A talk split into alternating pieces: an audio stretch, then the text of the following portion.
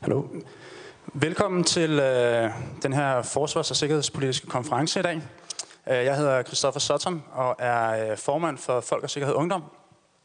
Jeg vil gerne starte med at sige tak til Forsvarsudvalget for at have hjulpet os med at få afholdt øh, arrangementet her, og vores ekspertpanel og ungdomspolitikerne der er kommet og, øh, skal snakke senere i dag. Øhm, jeg skal ikke sige så meget, jeg vil bare lige sige baggrunden for, hvorfor vi har valgt at holde arrangementet her i dag. Øh, og det er, at vi gerne vil skabe et forum, hvor at der kan komme en ny generation ind i øh, den forsvars- og sikkerhedspolitiske verden. For dannet et forum, hvor at vi får eksperter til at forklare nogle af de tendenser, nogle af de forhold, der gør sig gældende, og så give ordet videre til en ny generation af politikere, som, øh, som skal arbejde med nogle af de problemstillinger, som vi øh, står overfor nu, og står overfor senere hen. Så det er noget af baggrunden for det, vi har lavet, og det er også øh, det, er det første arrangement, øh, som vi afholder. Derfor er jeg rigtig glad for at se øh, så mange, der er kommet og øh, vil høre på os, og høre på eksperterne og ungdomspolitikerne. Øh, så jeg håber, I vil nyde det. Øh, jeg vil ikke sige så meget mere, og så vil jeg give ordet videre til dagens moderator, øh, Martin Krasnik, chefredaktør på Weekendavisen.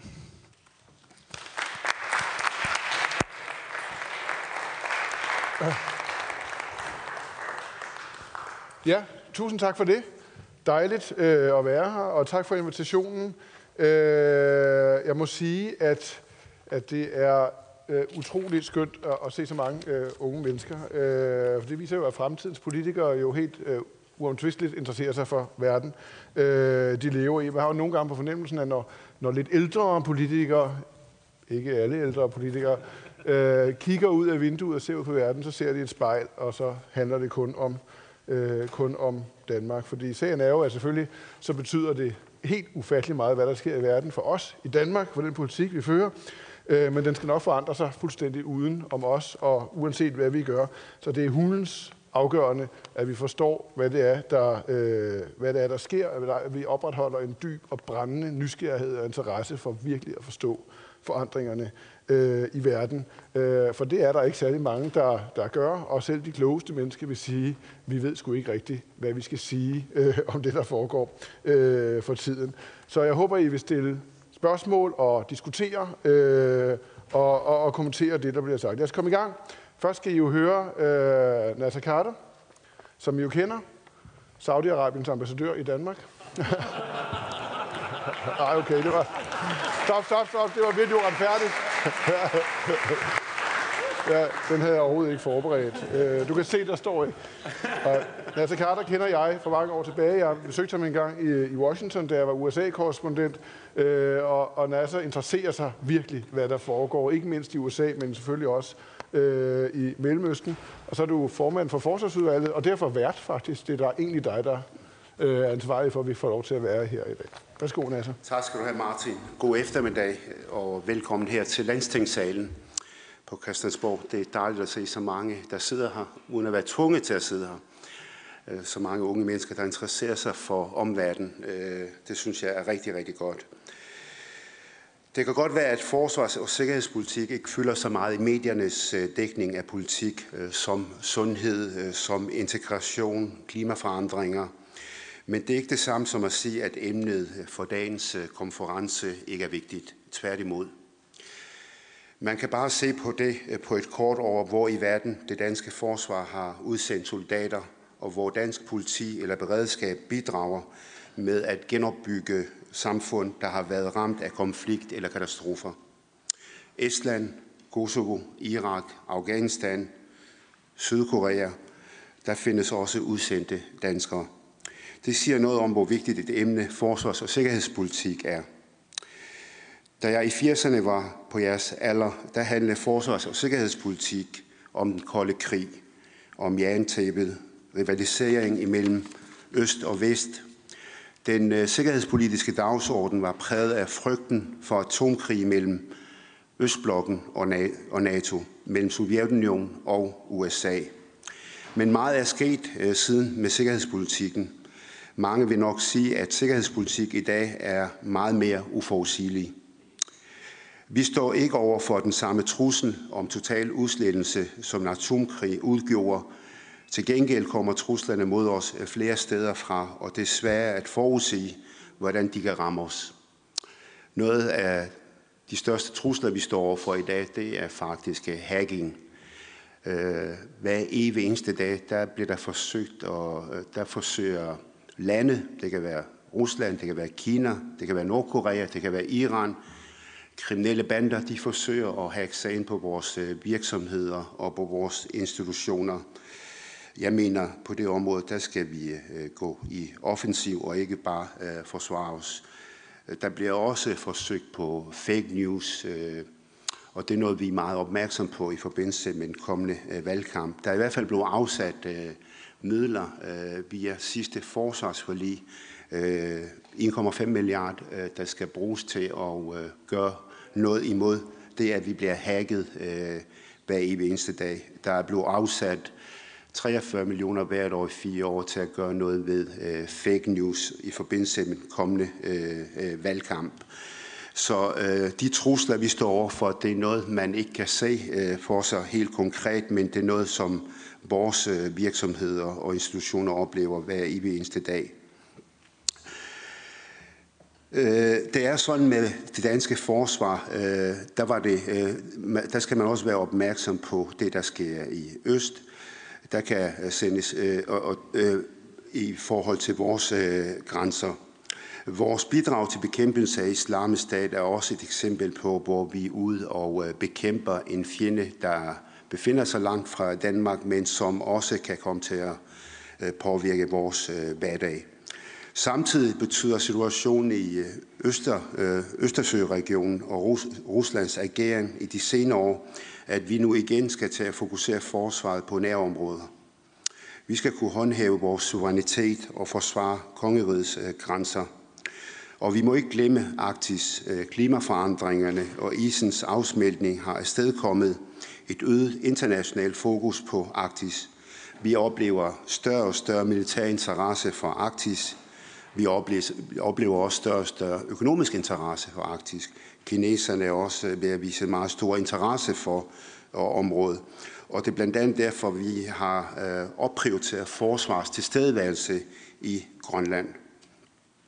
Alt i alt er det sikkerhedspolitiske verdenskort i dag øh, en broet øh, størrelse, og det gør det både interessant og vigtigt at debattere forsvars- og sikkerhedspolitik. Hvilke trusler skal vi forholde os til? Hvordan skal vi imødekomme dem? Hvordan skal forsvaret indrettes? Det er nogle af de spørgsmål, øh, man løbende skal tage stilling til som politiker. Mange af jer, der deltager i dag, kommer til at skulle deltage i debatten og være med til at tage forsvars- og sikkerhedspolitiske beslutninger i de kommende år. Derfor er det et rigtig godt initiativ, øh, synes jeg, at øh, Folk og Sikkerhed har taget med den her konference. Det skal I have øh, tak for. Jeg synes, det er et flot program, I har sat sammen, og jeg er sikker på, at politikere fra partiernes ungdomsorganisationerne øh, og andre, der også er her i dag, vil gå hjem med en følelse af, at de er blevet klogere på den forsvars- og sikkerhedspolitiske dagsorden. Øh, Folk og Sikkerhed arrangerede en høring her for en måned siden, der handlede om hacking og cyberkriminalitet, og der gik vi som politikere også hjem og var lidt øh, klogere på denne udfordring. Men lad os øh, komme i gang med konferencen. Øh, på vegne af Folketingets øh, forsvarsudvalg byder jeg alle sammen velkommen her på Christiansborg. Spændende timer, vi går, I går imod. Og jeg vil lade Martin Krasnik styre resten af dagen. Værsgo, Martin. Og tak for, at I kom.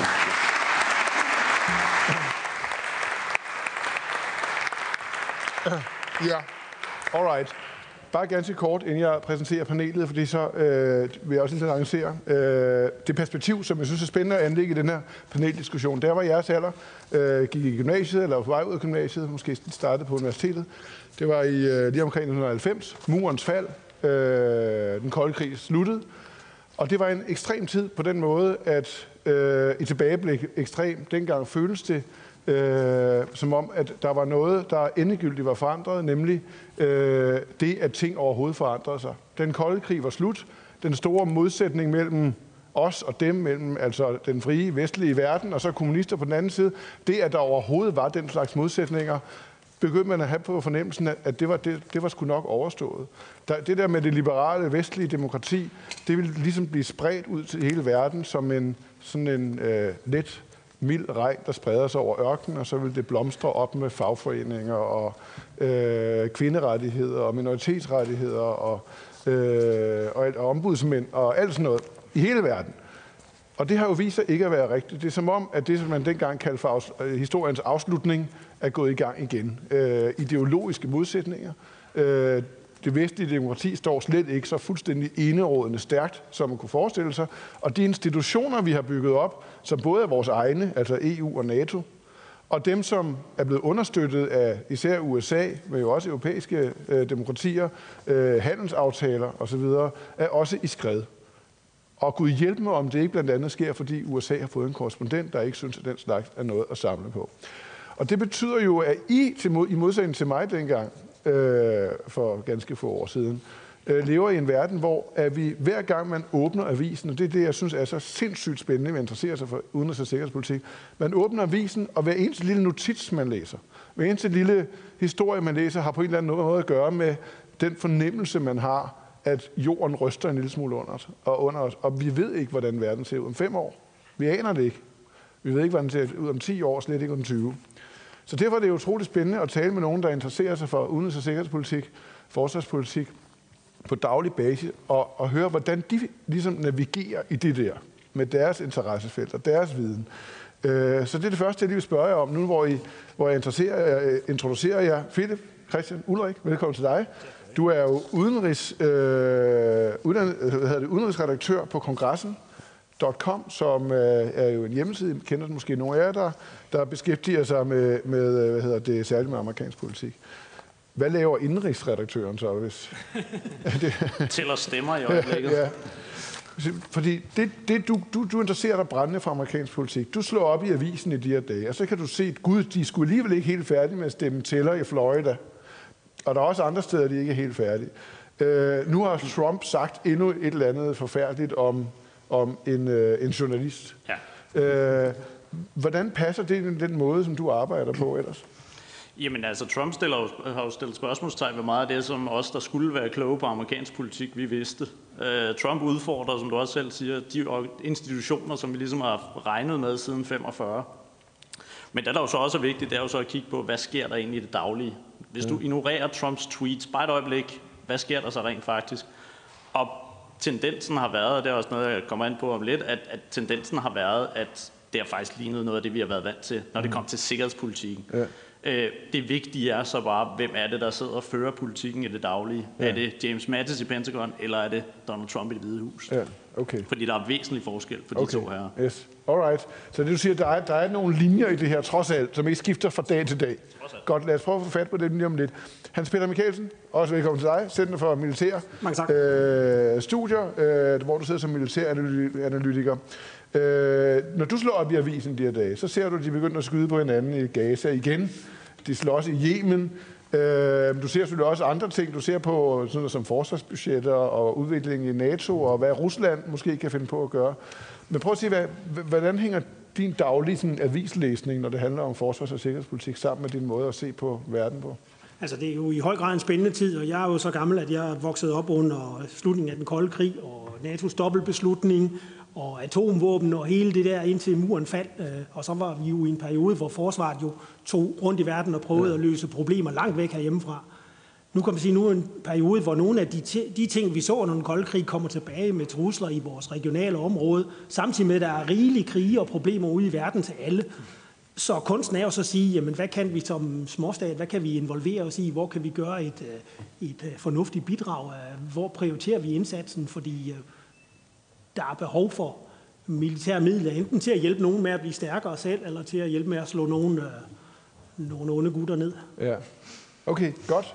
Søren Søgren, også velkommen øh, til dig, chef for officersgrunduddannelsen fra Herrens Officerskole. Du sætter i pausen, er der, er der et lille bord, så hvor du kan værve nogle folk. Øh, Nej, vi har, der er rigeligt, så ingen er, der, problemer. er det rigtigt? Okay, der er overtegnet på officersuddannelsen. Ikke helt, men... Nej, øh, okay. Øhm, for- prøv lige at forklare, hvad det er, du egentlig laver.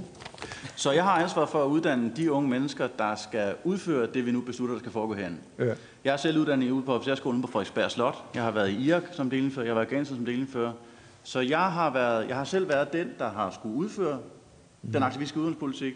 og er nu den, der skal prøve at finde ud af, hvad er det for en uddannelse, vi skal lægge i hovedet på de Ja. kommende officerer, til ikke, hvad der, vi skal ikke forstå, hvad der foregår nu, men vi skal prøve at gætte på, hvad foregår der om 5 år, om 10 år, om 15 år. Ja.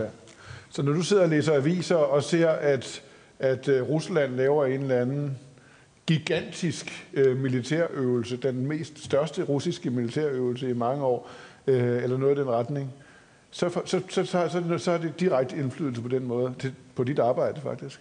Det har i hvert fald direkte indflydelse på, øh, hvad er det for nogle rammer, vi, der er stillet op. Så vi har lang, jeg, jeg startede i forsvaret i, øh, i 2000, og der var nogen, der ikke havde fået memoet om, at russerne de ikke, øh, de ikke kom længere. Det var stadig, altså fjenden var stadig russerne. Øh, det vi lavede på officerskolen, det var, hvis man var i herren på Sjælland, så skulle man mødegå fjenden i, ved, nede ved Stævns, eller faktisk Ladeplads, og hvis man var i Jylland, skulle man køre ned i Nordslesvig og, og, og grave sig ned. Og øh, det ændrede sig ret radikalt hen over nullerne. Øh, pludselig stod man i Irak, og der var ikke nogen russere, der var ikke, og i Afghanistan det samme. Der var heller ikke nogen ombudsmand. øhm, så der er sket en masse ting, og nu er vi ligesom sådan, på en eller anden måde på vej tilbage, og alligevel så er det noget, så er det noget helt andet. Ja. Hvor, hvorfor siger, hvad, det er noget helt andet, hvad betyder det? Så øh, uden at, der, der er måske også nogle ældre kollegaer i forsvaret, der har sådan, nu, nu er vi tilbage ved det gamle. Det Ja, var russerne, og så, så er det godt. Ja. Øh, balladen er bare, at sidst der var det russerne, der skulle herover til. Nu er det også, der skal den anden vej. Og så er der alle de andre trusler, som vi også lige fik nævnt Hvor, før. hvad mener du med, det russer, vi skal den anden vej? Så hvis, hvis der foregår en kamp i, øh, kommer til at foregå en kamp i Baltikum, jamen, ja. så er der en deployeringsfase Ja, ja, okay. først, hvor man skal den anden vej. Okay, altså du regner, man regner ikke med, at russerne angriber Nej, det- det- okay. det- det er jo Alligevel, trods alt. Okay. Yes, Rasmus øh, Nørlem Sørensen, sekretærsleder og chef analytiker demokrati i Europa. Ja, Hvad laver I, eller hvad laver du? Jamen i, på det her område, der laver jeg jo især det, at øh, vi har faktisk hørt lidt af det her, ikke? Altså, ja. vi laver jo det, at vi prøver at forholde os til, at Hvad sker der? Europa befinder sig i en ny situation. Der bliver trykket på nogle, ja. nogle af de gamle røde knapper. Russerne rører på sig. Så tænker jeg, når du åbner Øhm. lige nu, hvis du åbner dit Facebook-feed lige nu Ja. og så, hvad der kom ind, så vil der, så vil der stå, at Theresa May, den britiske premierminister, øh, hun står altså i lort til halsen.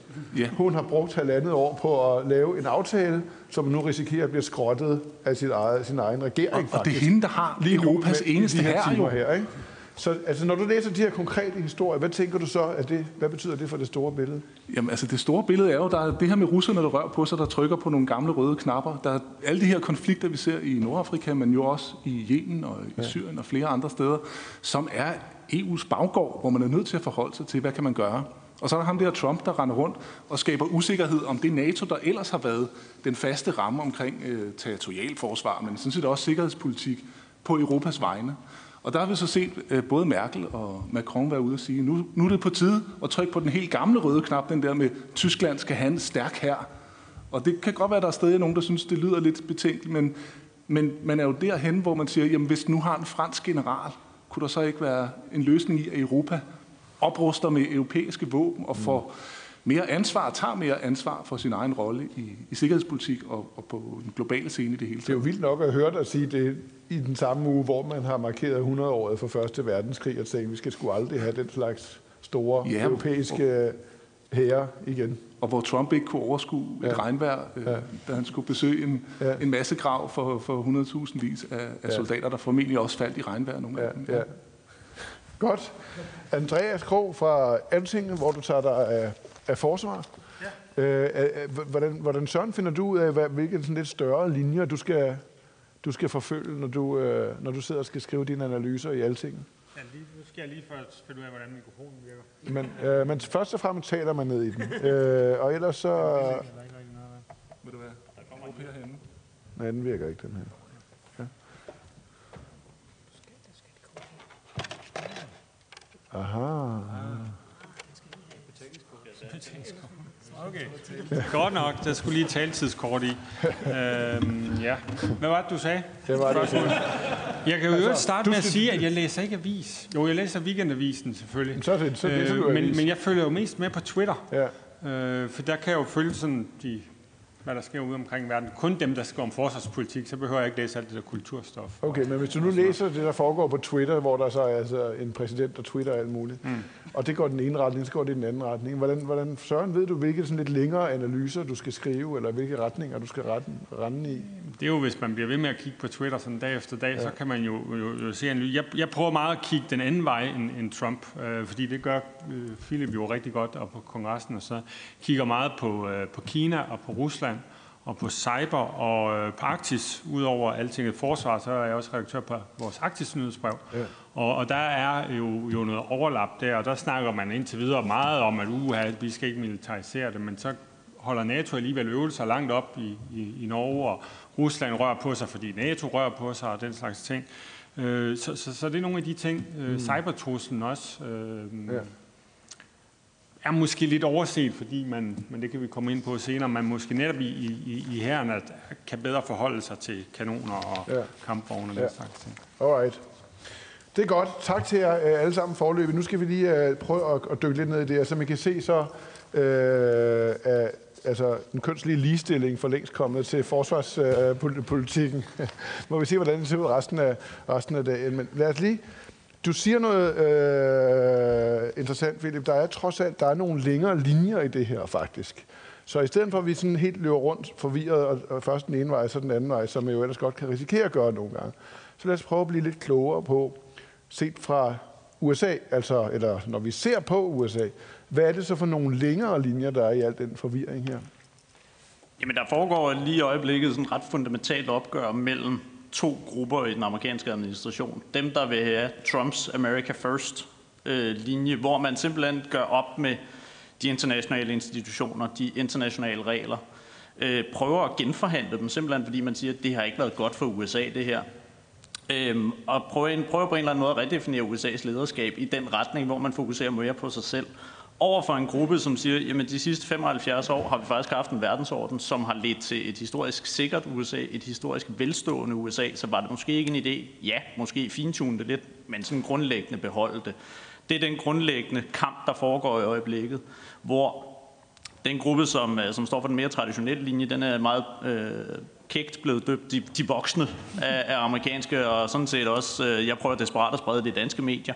Øh, den gruppe er bare blevet mindre og mindre i det, især det sidste års tid. Mm. Så, så tendensen, vi kan se, er, at ja, vi har haft meget kontinuitet på det sikkerhedspolitiske område. Hvis vi snakker værdipolitik, miljøpolitik og alle mulige andre ting, så er det stukket helt af. Sikkerhedspolitikken har været meget kontinuerlig. Ja det hænger bare på en mand lige i øjeblikket. Ja. Øh, så hvis han bliver skiftet ud, så er jeg meget spændt på... Hvem er det? Det er James Mattis i Pentagon. Okay. Som på altså en... forsvarsminister. Så er forsvars, forsvarsminister og ja. tidligere øh, firestjerne general i det amerikanske marinekorps. Okay, men, men det, det er alligevel lidt skrøbeligt fundament at hænge en hel, en hel verdensorden op på. Og det kommer meget an på, hvem der så kommer i stedet for ja. ham. For hvis det er en meget America First type, så ja. skal vi måske til men, at men, hvis man, men, men, du ser, men alligevel startede du med at sige, altså hvis man nu går, ser det i helikopterperspektiv, ja. så er det måske ikke så revolutionært, det der og måske er der nogle længere... Hvis du kigger i et bredere amerikansk historisk perspektiv, nej, så er det ikke specielt revolutionært, det der foregår. Øh, det er sådan set bare en tilbagevenden til den form for politik, amerikanerne har ført det meste af deres historie, nemlig vi er lidt sejere end alle andre, så måske skulle vi fokusere på os selv først, og så må ja. andre kigge op på toppen af bakken, hvor vi er the shining city on a hill. Så vi behøver ikke indgå i alle mulige aftaler? Så vi behøver ikke indgå i alle mulige aftaler. Det er faktisk øh, stik imod, hvad vi bør gøre. Ja. Det, der jo er det revolutionære, det er jo, at de sidste 75 år har man konstrueret en verden verdensorden, hvor vi alle sammen er blevet vævet tættere sammen. Globaliseringen betyder, at vi handler meget mere med hinanden, vi er meget mere i kommunikation med hinanden. Det hele er meget mere sammentømret, ja. end det var dengang George Washington han sagde, at vi skal lade være med at lave alliancer. Så det du siger, det vil være klogt, når man ser på den der ligning, og så trække USA lidt ud? Det vil være klogt og i øjeblikket at se på, hvordan skal europæerne klare sig bedre selv, ja. fordi vi har måske været lidt snøl, meget slølende. Men hvis det, hvis det du siger er rigtigt, så, så altså, det er jo ikke fordi Trump har sagt, at han vil melde USA ud af NATO. Det ville være den logiske konsekvens. Den, den, den uh, diskussion har de uh, løbende i det hvide hus, ja. hvor Trump er forholdsvis træt af NATO, med rette ja. uh, på mange områder. Uh, ja. men, men lige frem at trække USA ud, der har han altså også kongressen imod sig, okay. og det er det, der også er vigtigt at huske. Okay, så det der, man siger, man ser på ligningen over, at man smider alle mulige ting ind i sådan en ligning, der hedder sikkerheds- og forsvarspolitik, hvor USA har været den vigtigste faktor i, i hvert fald siden 2. verdenskrig, men vel også længere tilbage. Så, så, så trækker vi USA ud. Hvad betyder det så? Hvad betyder det så, hvis det er den retning, vi kigger? Vi skal, USA's rolle bliver mindre og betyder mindre for os andre. Hvad betyder det? det bliver en, øh, bliver en stor udfordring, fordi USA øh, står for rigtig, altså udover den der nukleare afskrækkelse, som, som stadigvæk ja, er der jo, som man har ligesom glemt siden den kolde krig, den er der jo stadigvæk med atomvåben, så har de alle de her, man kalder enablers, alle de der ting i NATO, som gør, at man kan lave en effektiv styrke, det vil sige lufttankningsfly, kommunikationssystemer, satellitter, øh, overvågningsfly, alt det her, der skal binde øh, en, en operation sammen, det sidder amerikanerne grundlæggende på. Selvom der er et par europæiske stormagter, der har lidt, så viste jo den seneste større NATO-operation over Libyen i 11, jamen øh, det, det kan man heller ikke uden, øh, uden USA. Så USA sidder sådan set grundlæggende med, øh, med alle de her ting, og hvis, hvis de europæiske NATO-lande siger, at det skal vi øh, have styr på selv, så skal der dels spyttes mere i kassen, øh, dramatisk mere i kassen, men så kommer det også til at tage en længere overrække. Ja, okay. Så, det, så, så, så, så I er lidt inde på samme spor her. Altså det kræver et seriøst større bidrag, eller en seriøst større gennemtænkning af, hvad vi egentlig vil kunne rent militært og forsvars, forsvarspolitisk.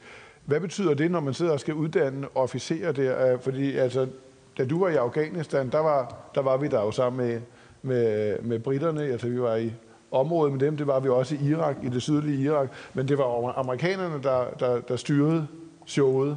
Hvis, man nu, hvis, de nu, hvis de nu ikke gør næste gang noget i den retning øh, sker, hvad, hvad så? Hvad betyder det for os? Ja, for det første så er det ikke sikkert, at vi kommer derned. Mm.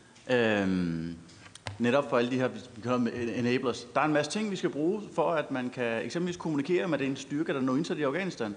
Der er noget båndbredde, der er noget satellit, der er en hel masse ting, som vi som baserer alle vores operationer på. Det antager vi, det har vi, for det har vi altid haft. Og det er det, vi nu begynder at stille spørgsmål til. Har vi så egentlig oh, det? Ja. Og hvis vi selv skal til at finansiere det, så, så er det nogle helt andre, andre klasser af... Helt andre, det er helt anden klasse af økonomi, vi skal have op. Ja. Og det er måske også noget andet måde, vi skal til at operere på, hvis ja. vi skal selv. Og så er der en strategisk udfordring herhjemme. Nu spørgte jeg godt med, at vi har nok ansøgere. Men hvis vi ligesom skal lave sådan det der med et subsidielt løft i forsvaret, vi kan godt hælde flere penge ned i kassen, men der skal også nogle mennesker derned. Og de mennesker kan jo finde et eller andet sted i konkurrence med alle, andre, øh, alle mulige andre steder. Så forsvaret har en Uanset hvor vi vender og så har vi en strategisk øh, udfordring, sådan en HR-udfordring, med at både rekruttere folk og fastholde dem. Og skal vi så være, hvad ved jeg, dobbelt så mange, ja. så er det bare endnu større. Ja. Så det er, at man ikke kan regne med amerikanerne på samme måde, det har enormt stor indflydelse. Det får i hvert fald enormt stor indflydelse. Ja. Lige nu der er vi lidt, så, så effekten er som ikke slået igennem nu her. Ja. Det kan godt vise, så, så kører vi lidt mere materiel og så videre, men ja. det er ikke sådan, at, at nu vælter det rundt med folk. Ja. Øhm, men hvis vi skal, hvis vi beslutter, at vi skal den vej, vi skal til at stå meget mere på egen ben, ja. så bliver vi nødt til at løfte. Okay. Også i uddannelsen. Hvor, hvor seriøst tager du det virkelig? Altså, når du taler om tysk, det kan da godt være, Tyskland skulle til at have en stor, øh, en stor, stor her igen. Øh, det ville være logisk, når nu amerikanerne trækker sig, så må der være nogle andre. Det er tyskerne, der har pengene og befolkningen til det. Øh, men, og, men, men det er jo også noget, vi har snakket om i mange år. Skal europæerne bære mere af det der øh, militære bidrag, og amerikanerne ikke behøver at bære så meget? Men er det virkelig noget, man, tager du det virkelig alvorligt? Er det virkelig et skifte, du ser komme? Eller er det bare sådan en del af den der bekymrings bekymringsaktivitet, vi ser i de her år? Ja, det, altså, indtil videre det er det jo et retorisk skifte. Altså, fordi man har jo ikke en europæisk her. Altså, hvis man skal sige sådan, hvad er EU for noget, så er det en, en, et forsøg på at lave en federation, men man har vendt den helt på hovedet. Normalt, hvis man vil etablere en federation, så vil man have en fælles her og et fælles forbundspolitik og nogle fælles institutioner, ja. så man kan have en fælles politik over for andre lande. Det er sådan, man plejer at definere en, øh, en federation som for eksempel USA. EU vender fuldstændig på hovedet. Man har godt nok masser af fælles regulering af varestandarder og klima og alt muligt andet, men man har ikke nogen fælles her, ikke noget fælles forbundspolitik. Så, så man kan sige, der kommer nogle retoriske udmeldinger om, at nu skal EU til at være en slags stat, ikke? En slags federation, men der, der er godt nok langt igen, når man kigger bare på, på muligheden for at føre en fælles udenrigspolitik, så er det sådan i dag, at vi har øh, udenrigsministeren for det største marked i verden, en af de bedst forbundne nationer, kan man sige, i hele verden, med en, verdens næststørste her. I kender hende ikke, fordi det er Federica Mogherini, og ingen ved, hvad hun er for en. Og det er fordi, før hun kan sige, det her ved EU i Yemen eller Syrien, så skal hun lige hjem og spørge 28 udenrigsminister eller statsminister i Europa, før hun kan sige noget. Og hvis en af dem siger nej? Hvis en af dem siger nej, så er der ikke enighed, og så kan man faktisk stort set ikke gøre noget på, ja. på EU-plan. Så det, så det vi kan se, at man forsøger, som Macron forsøger, øh, det er jo at sige, kan man lave noget forstærket samarbejde med nogle lande? Ja. Kan vi gå i gang med at etablere øh, den der infrastruktur, hvor en ja. europæisk her vil kunne operere selv uden ja. amerikanerne? Ja. Og vi har lige nu den britiske her, som i princippet kan operere, men er dybt afhængig af amerikansk infrastruktur. Og så har vi en fransk her, som til dels er operativ, altså kan lave aktioner i for eksempel Afrika, hvor vi har ja. set en hel del det hedder EU-missioner, men ja. i virkeligheden er det Frankrig, der får, ja. får en EU-hat på, når de er der. Ikke? Hvis man så, nu... så, så der er langt fra retorikken, og så ja. til man, man bygger en egentlig her. Og man må også spørge, om det er det, EU skal. Ja. Altså, ja. Jeg har udgivet en bog, der hedder Kan EU skabe fred i verden? Ja. Det synes jeg måske var et godt sted at starte og sige, hvad er det, vi gerne vil have? Ja. Men lad, lad os lige, lige at holde skuden et kort til hjørnet, den der med, om, en, e, om vi skal til at have en EU her. For en anden mulighed, det er jo, at NATO består, men at EU tager sig, europæiske medlemmer tager sig lidt sammen og og betaler lidt mere af festen. Altså amerikanerne har jo sagt det i mange år. De har sagt det meget venligere, end Trump har gjort det. Han ja. siger det ret så præcis. Altså folkens det er ja. fuldstændig absurd, det her. Man skal passe på, hvad man beder om. I, I er med til festen, og I betaler ikke en skid ja, for det. man skal passe på, hvad man beder om, fordi ja. for et års tid siden var Trump meget ude med riven efter de europæiske lande. Ja. Der er ikke brugt penge nok. Ja. Men svaret fra Macron her øh, ved ja. det her 100-års fejring øh, afslutning på, på, på Første Verdenskrig, der sagde han, vi vil gerne opruste, men det skal være med europæiske våben. Ja. Og det er jo faktisk det, der har været vores aftale med USA. Vi bruger en masse penge på jeres forsvarsindustri, ja. og så passer I på os. Ja. Hvis man dropper den aftale og siger, nu køber vi i Frankrig for eksempel, det tror jeg, Macron vil synes var en god idé, så har man opsagt det kompromis med amerikanerne. Ja, yes. Og så, så sker der altså nogle helt nye ting på ja. verdensscenen. Hvad, hvad, kan, altså, er det en reel mulighed, at hele det øh, arbejde med at tage sig garantere europæisk sikkerhed og forsvar øh, løftes af europæerne. Alene øh, i, i, altså i, i EU med en EU her, eller hvad man kan forestille sig, eller overhovedet i NATO, men underst- altså så på, på en måde, hvor vi betaler en lang, lang, lang større del af, af udgifterne? Altså, vi, vi, NATO kan jo ikke fungere uden, uden USA, kan man sige. Men, men EU kunne jo godt øh, løfte en, en, en større rolle, hvis, hvis, hvis de investerede pengene i det. Jeg synes, set med, med danske briller her fra Christiansborg, og det kunne være sjovt at høre øh, ungdomspolitikerne senere, at Danmark lige præcis bliver jo fanget i et limbo her, fordi vi stadigvæk har det her forsvars forbehold, ja. som, som vi og, og jeres forældre øh, indført for 25, ja. 26 år, år siden, som, som fanger Danmark i, vi kan ikke gå med i, i ja. et udvidet EU-forsvarssamarbejde, øh, så, så vi har sådan set NATO. Og i NATO, der bliver vi mere og mere isoleret ned i bunden, fordi vi som nogle af de få jo regner vores øh, NATO-bidrag i, i to decimaler. Vi bruger 1,14 mm. procent. Og med forsvarsforlidet, der gælder frem til, til 23, der kommer vi op på 1,3 procent. Altså stadig meget langt fra, fra, fra de Men det er det, jeg spørger. Er det realistisk, altså, at, at, vi, at, at den pri, prisen på den garanti, det er jo det, det handler om. Hvad koster det at få amerikanerne til at beskytte os? Hvis Jamen, det koster 2 procent. Det, det siger de. Det, det, det, det, det siger de, hvis du spørger over i Estland, for eksempel. Jeg var ude og tale med den estiske ja. ambassadør på et tidspunkt, som ja. siger, ja, vi bruger, og vi, er, vi rammer 2% næste ja. år, og det er også, fordi det, siger det er medlemskontingentet, fordi lige om, vi bor lige ved siden af det, det har vi jo også sagt, vi kan 2% af bruttonationalproduktet. Ja, ikke? vi arbejder hen imod. Ja, det arbejder vi hen imod. Gør vi det? Ja, det gør vi jo, fordi vi kommer op på 1, 3 procent i ja. 23, ja. men øh, der er jo stadigvæk langt. Ja, fordi det er mange, mange, mange, mange, mange millioner ekstra, vi skulle bruge på forsvaret, hvis vi skulle ja, op på 2 vi, det var sjovt. Jeg har en kollega, der skriver meget om satspuljen i, i ja. de her dage, og det, og det svarer faktisk til, til satspuljen, øh, altså 15 milliarder om, ja. om året. Øhm. Okay, nå, så, har vi jo, så kan vi bruge pengene på, på, det om også. på, på bomber ja. i stedet for på hjemløse. Øh, men, men, men, men, er det, men vil det løse problemet? Det er det, jeg er ude på. Altså, vil det ændre på alt det, vi taler om her, at de europæiske lande siger, okay, nu betaler vi os fra det. Nu betaler vi os virkelig ordentligt fra det. Ja, det kunne jo, altså, det er jo ikke kun Trump, men det var også Obama, det var jo amerikanske præsidenter gennem, gennem en årrække, der har sagt det. Det, det kunne måske ligge lidt, lidt en dæmper på det. Ja. Øh, men, men stadigvæk så udgør USA's bidrag til NATO jo, hvad er det, er det 80 procent eller, eller, eller den 70 i, i den størrelsesorden, ja. ikke? Ja. Øhm, og med, med for eksempel, Macron har jo lige taget initiativ til den her øh, europæiske interventionsstyrke, som jo netop skal være sådan en udrykningsstyrke, som kan rykke ned i, Sahara-området eller til Karibien, til, til, til sådan nogle krigsområder, sådan nogle opgaver, som, som NATO ikke kan løse, hvor ja. han har valgt øh, plukket 10 øh, lande ud, som han Danmark blandt andet. Ja. Øhm. Yes. Det er jo fordi, at øh, jeg synes, det, det hører med til det her billede af, hvem der betaler man har haft sådan lidt en good cop, bad cop fordeling mellem USA og Europa, hvor USA har haft den der knibbel til at slå folk oven i hovedet med. Og så har man øh, ligesom set gennem fingre med, at europæerne ikke bidrog med det samme til den militære styrke, men man har stået for rigtig mange af de bløde indsatser. Både diplomati, men altså i høj grad også udviklingsbistand og demokratiseringsprojekter og alt muligt andet. Så man ligesom sagt, jamen hvis vi kigger på, hvor meget energi vi ligger i at holde verden kørende uden alt for mange konflikter, mm. så er good cop, altså de, de ting, man leverer der, det er også noget værd. Men det er Trump jo fuldstændig altså, blind og, og ligeglad med. Han ser kun, kommer der nogle tanks og nogle fly. Øh. Han ser ikke på, er der udviklingsbistand, er der et forsøg på at imødegå en klimakrise, som skaber helt nye udfordringer. Ja. Altså man kan sige, problemet er jo lidt, at okay, så begynder vi alle sammen at bruge 2% af vores BNP på forsvarsbudgettet. Øh, og hvad så? Hvad skal vi så bruge det materiel og de, det legetøj, vi så får ud af det? Fordi hvis du spørger nede i Europa, hvad er de sikkerhedspolitiske prioriteter, så vil østeuropæerne sige, at det er en, øste, en trussel for Rusland. Hvis du spørger i øh, Sydeuropa, hvad er den største sikkerhedspolitiske trussel, så siger de, det er de tusinder af migranter, som vi møder hver dag ude på, stille, øh, ude på Middelhavet, som vi skal tage os af, og som er ved at knække vores økonomi. Vi kan slet ikke tage det seriøst, at der, I tænker på, at russerne måske kommer. Man møder hver dag migranter på Middelhavet. Og så tager du til Nordeuropa og spørger, hvad er den største sikkerhedspolitiske prioritet? Og det er, om øh, bedstemor kan få en plejehjemsplads. Ja.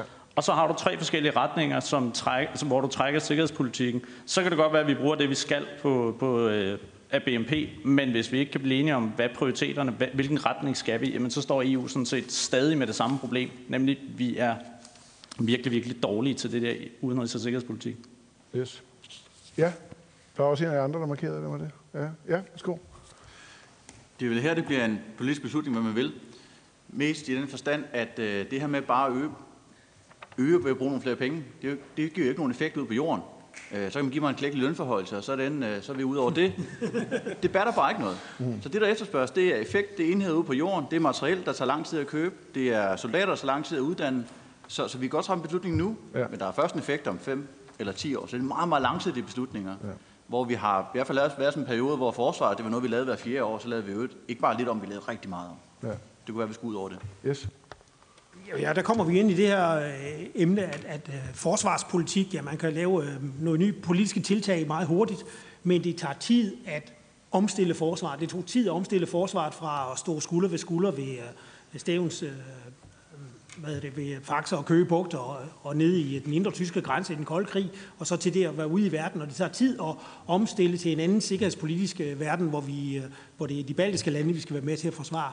Og, og hvis man kigger på forliget nu, som man har, jamen det ser rigtig flot, flot ud, men de kapaciteter, man vil købe, de er jo først klar omkring 2023, 2024. Det er først der, man begynder at have nogle af de evner, der egentlig kan imødegå en sikkerhedspolitisk krise i Østersøen. Indtil da kan vi bare håbe, at amerikanerne kommer eller nogle andre, og så vi kan ikke rigtig kun bidrage sporadisk. Så det tager bare tid. Det er langsigtede investeringer. Det tager lang tid. Ja. Ja. Ja. Værsgo. Ja. Jamen, jeg, vil, jeg vil bare tilføje det her med, måden man tænker sådan et forsvarssamarbejde på i Europa, er helt forskellig fra det, man har tænkt i NATO. I NATO er det centrale musketereden, hvor man siger, jamen hvis Danmark sender et fly, så sender nogle andre noget andet, og vi bruger det så til at forsvare alle. Hvis man kigger på de initiativer, der er kommet fra, fra EU's side, altså særligt det her PESCO, der er sådan et forsøg på et permanent samarbejde, så, så ligger man op til, at landene kan melde ind med sådan en, øh, en action, de godt vil byde ind på. Jamen, vi bygger nogle, øh, nogle telte til, til Røde Kors-medarbejderne, og vi sørger for et hospitalstelt herover og I laver et fly, men der er ikke nogen fælles forsvarspolitisk ed. Man ved ikke, om de kan bruge sammen, de her systemer, mm. eller, eller hvad det er, man ligesom melder sine aktiviteter ind i. Ja. Og og det hænger jo sammen, at man ikke kan blive enige. Der er ikke en enighed, der er ikke en fælles ja. linje. Så før man har den, så er det andet ikke rigtig noget værd. Det er ikke noget, vi har en masse tanks stående i Danmark. Hvad skal Nej. vi med dem? Er det, er det fuldstændig umuligt at forestille sig, altså, øh, at, sådan et nyt europæisk forsvarssamarbejde kan komme til at fungere uden amerikanerne? Nej, det tager bare tid, og det tager investeringer, og spørgsmålet er vi villige til at, det spørgsmål, vi er villige til at betale det. Øhm, så er der måske også noget, hvad er der for en teknologi, man har adgang til, og hvor, hvor, hvor vi hen er på den skala. Men, men mest af alt er det et spørgsmål om prioriteringer. Det kan godt lade sig gøre, men det er noget, som træffer beslutning i dag, så går der rigtig lang tid, før, en, før en vi har en effekt derude. Så et helt konkret eksempel, så de, de officerer, jeg uddanner, man har en bacheloruddannelse, når man kommer, så går man ud ved mig i 28 måneder. Og så når man så er færdig, så kan man blive sendt ud, og så kan man have med værnepligt at gøre. Mm. Så går der halvanden to år mere. Så fra en bacheloruddannelse, så går der fem år, før man kan sådan bare det allermest basale ud i felten som officer i herren. Det tager rigtig lang tid, når vi skal omstille os. Ja, godt. Øhm, hvis, hvis man hvis, hvis jeres budskab er, at det kommer til at tage lang tid, før vi overhovedet kommer i gang med at omstille os i forhold til, til der, hvor vi kommer fra og skal, skal hen, hvad er det så for noget, hvad, hvad er det så for, altså, hvad er det så for et ansvar, der hviler på de politikere, der er, som, er, som, som sidder her i huset, er, sidder i huset i dag? Altså, hvordan søren skal de kunne træffe nogle beslutninger i en verden, der er så uforudsigelig, som den er i dag? Ja. Altså man, man skal jo nødt til at tænke lidt i, øh, i worst case, altså hvor galt kan det her gå, og så prøve at identificere, hvad er det for nogle risici, der ligger foran øh, os ude i fremtiden, og hvad betyder det, når man skal bygge et forsvar, der skal tilpasse til det? Så skal man have noget, vi, kalder det populært en militær værktøjskasse, som er meget bredt anvendelig og fleksibelt at sige, så tager vi det her op, og det kan vi bruge til den her operation i, til at forsvare Danmark. Det kan bruges over i Baltikum til at hjælpe med at forsvare dem, men det kan også bruges et andet sted i verden. Øh, det er ikke nogen nem opgave, mm. øh, men, men der, man er nødt til at, at, at tage truslerne og risiciene alvorligt. Det er lidt ligesom uh, forsikringer og meget andet. Det er jo også, at vi regner ikke med, at huset brænder, men vi har en forsikring, fordi det kan jo ske. Ja. Men her i huset burde man måske starte med at, at lægge an til, en, til at se om man kunne få en folkeafstemning, få et ja til at afskaffe forsvarsforbeholdet. Fordi så længe Danmark har det, så kan vi ikke gå all the way. Vi er ikke med i det her europæiske PESCO-samarbejde. Så, så, så, så alle de andre, nu var Merkel ude i dag og støtte op om Macrons idé om, om en EU her, og, og, og det er altså meget fint, men det bliver i hvert fald, som det står lige nu, øh, uden dansk deltagelse. Mm. Og så længe vi ikke kan få afskaffet det forbehold, og vi har hørt blandt andet Mette Frederiksen, jeg tror det var på folkemødet, sige, at det bliver ikke på, det bliver ikke på hendes vagt. Så derfor kunne det være interessant at høre, om det bliver på, på nogle af ungdomspolitikernes vagt om, om nogle år. Så, så, så længe vi ikke kan gå all the way på det, så kunne det jo være, at vi måske skulle satse noget mere på NATO. Øh, finde nogle flere penge, komme op på måske bare halvanden procent, prøve at investere. Øh, det, det gør vi også i det her forsvar, fordi vi investerer i nogle af de rigtige kapaciteter. Øh, vi går og overvejer at gå med i øh, USA's ballistiske missilforsvar, hvilket vil være et meget, meget stærkt signal til, til USA. Måske ikke så meget til Trump, men til den næste amerikanske Prøv lige at forklare, hvad det handler om. Det Jamen, det handler simpelthen om at øh, udruste de her øh, tre danske frigatter. Vi har tre frigatter, som ikke Nej, nu skal vi ikke mobbe nordmændene. Øhm, vi har tre fregatter, som vi kunne udstyre med, øh, med, med missiler, som kunne være i stand til at nedskyde øh, indkommende missiler fra Iran, for eksempel. Og øh, der ligger i øjeblikket, jeg tror det er omkring to-tre amerikanske fregatter nede i Middelhavet og, og ligesom bevogter øh, hvis Iran kunne finde på at sende missiler mod, øh, mod Europa. Og der siger amerikanerne, at vi kunne godt tænke os nogle flere til at være med til at, og, øh, at lave det, det her skjold med Europa. Og det er noget, som Danmark, Tyskland, øh, Holland, Norge overvejede det også indtil til sidste uge at, at, at gå med i det. Ikke? Jo. Øhm, det kunne være et, et meget, meget stærkt signal øh, til Washington, som, Altså, vi fortsat ønsker at arbejde sammen med jer. Ja, og så har vi jo også hele Grønlandskortet. Ja. Øh, de har jo Thulebasen øh, på Grønland, som de gerne vil... Der kommer måske noget ny teknologi om 20 år ud i fremtiden, men, men lige ja. nu, der har de brug for, for Thulebasen, okay. og de er sågar gået ind og sagt, at de gerne vil være med til at bygge lufthavn på okay, Grønland. godt. Jeg skal lige uh, kort lige skitsere, hvordan vi gør nu. Skal, vi skal lige tage en runde, som netop handler om den situation, Danmark er i, i, i, den her, i, det, i det her globale kort, I har, I har skitseret, som jo er anderledes end det, end det har været før. Øh, og så rækker jeg lige her hånden i vejret, eller markerer, hvis I vil stille nogle spørgsmål, eller komme med nogle kommentarer til panelet her. Øh, og så ved jeg godt, at I to skulle jo have startet med, eller komme med et oplæg. I slutter så diskussionen her med at komme med et oplæg, som skal munde ud i en, hvad vi kan, hvad skal vi kalde det, en problemstilling, som ungdomspolitikerne bagefter kan tage stilling til. Men først, Danmark har jo været sådan, at for Danmark har det været sådan, under den kolde krig, der var vi beskyttet af atomparaplyen af, af amerikanerne, at vi, vi kunne være sikre på, at hvis vi blev angrebet af russerne, så ville, så ville øh, USA komme efter dem. Det var sådan, hele forsvaret var, var tænkt, og hvis vi overhovedet havde et forsvar, det havde vi jo, men et lille et, så handlede det om at opdage, at russerne kom, så vi kunne sige det hurtigt og markant. Øh, så kom 90'erne efter den kolde krig, og vi lavede vores forsvar fuldstændig om til sådan nogle hurtige styrker, der kunne komme ud og hjælpe. Nu handlede den der øh, meget nære amerika- alliance med amerikanerne om at arbejde så tæt sammen med dem som overhovedet muligt, så vi var i Irak og i Afghanistan og så videre, havde nogle meget dygtige soldater ude øh, i, i de krige der. Øh, hvis i, i dag begynder vi at tale om det på en helt anden måde, øh, og det handler jo lige pludselig om Rusland igen, som flere af jer har været inde på, men hvor Danmark pludselig er i en fuldstændig anden situation, end vi har været før, fordi vi har Grønland, og dermed en adgang til Arktis, øh, som der slet ikke har været samme opmærksomhed, øh, i hvert fald ikke i den sidste del af den kolde krig. Hvordan sætter det Danmark i en anderledes situation, end vi har været i før? Jamen, der, der, der er to ting, der er vigtige her. Øh, fordi øh, hvis man kigger sådan lidt historisk, altså vi ligger jo som indsejling til, øh, til Østersøen, og det har i 600 år bestemt vores øh, sikkerhedspolitik og stormagtsinteresser, og det gør det jo lige pludselig igen. Altså fordi det er, Rusland ligger over på den anden side af Østersøen, og det er der, der er en trussel mod de baltiske lande. Og ligegyldigt om vi vil eller ej, så kommer vi til at sidde i en helt central nøglerolle, nøglerolle i en krise omkring Østersøen. Samtidig har vi det arktiske område, hvor Rusland Men det også... gjorde vi jo også før. Ja, men vi, vi har ligesom glemt det siden den kolde krig, ikke sandt? Altså, der har været en periode, hvor det her med Østersøen, så, så hvad enten vi vil eller ej, så kommer det til at foregå i vores område. Så kan man vælge at spille en mindre rolle eller en større rolle, hvis der er en krisesituation. Ja. Men samtidig er rigsfællesskabet og, og Grønland også blevet en for, fornyet interesse, som der lige blev nævnt.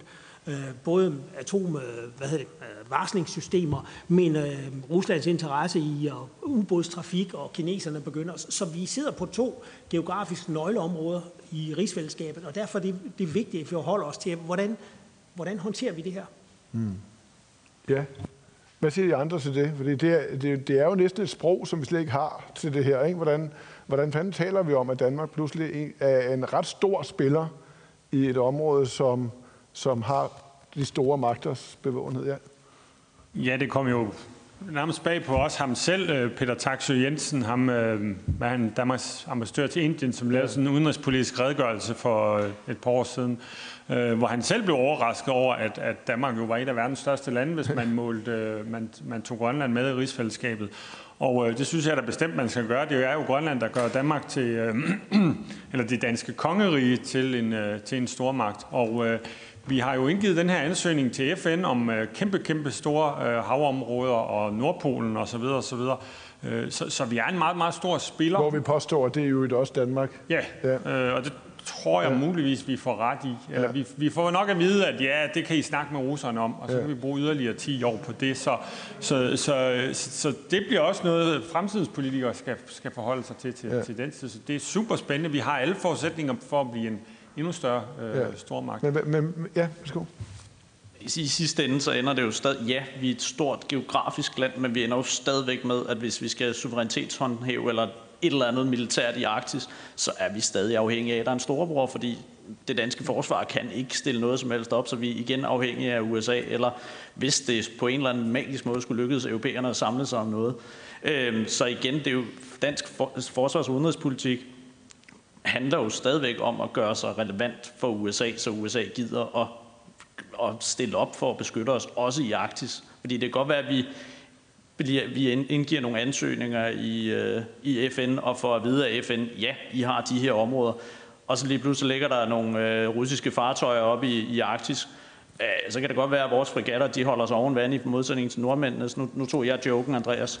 Øh, men, men det er stadig ikke, fordi vi sådan lige frem får skubbet russerne ud af det. Så dansk sikkerhedspolitik går stadig ud på, hvad de større magter gerne vil have, og det skal vi så tilpasse os. Måske i endnu større grad end nogensinde før, fordi vi lige pludselig faktisk betyder noget, eller hvad? Jo, altså vi betyder noget, men jeg, altså, jeg, jeg tror, hvis jeg skulle give nogle anbefalinger om, hvordan Danmark skal finde sig en rolle i den her usikre verden, altså så er det i vores klare interesse at, at vedligeholde nogle af de internationale institutioner, der er.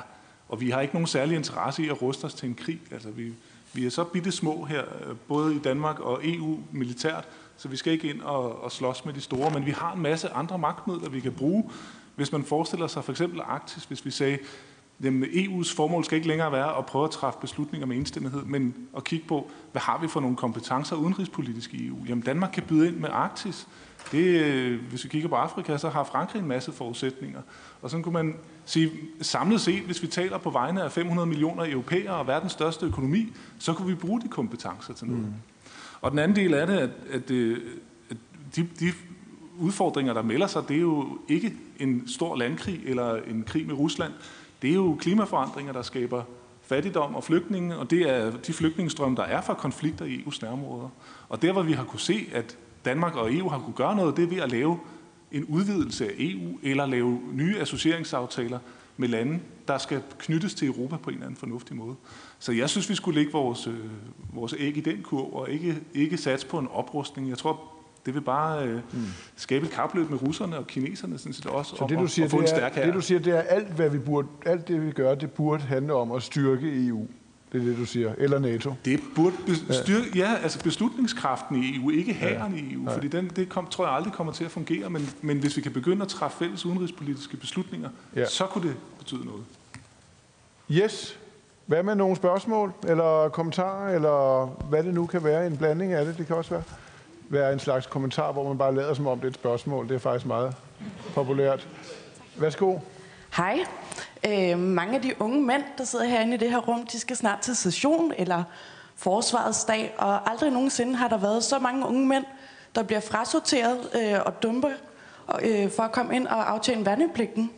Og nu har jeg hørt flere af, af jer i panelet har sige, at, øh, at vi er simpelthen ikke store nok, så vi bliver nødt til at alliere os med nogle andre. Men hvad med, at vi fik tvungen værnepligt i Danmark for begge køn? Øh, hvad er jeres holdning til det? Ja. Man kan godt kalde det for et politisk spørgsmål, men det kan man godt mene noget om, ja. Ja, værsgo. Jeg er helt med. Hvis der så er tvungen barsel til mænd, eller øremærket barsel til mænd, så er det nogenlunde lille del med, med byrderne. Så, så har du min opbakning. Ja. Vi skal bruge det værnepligtige til noget.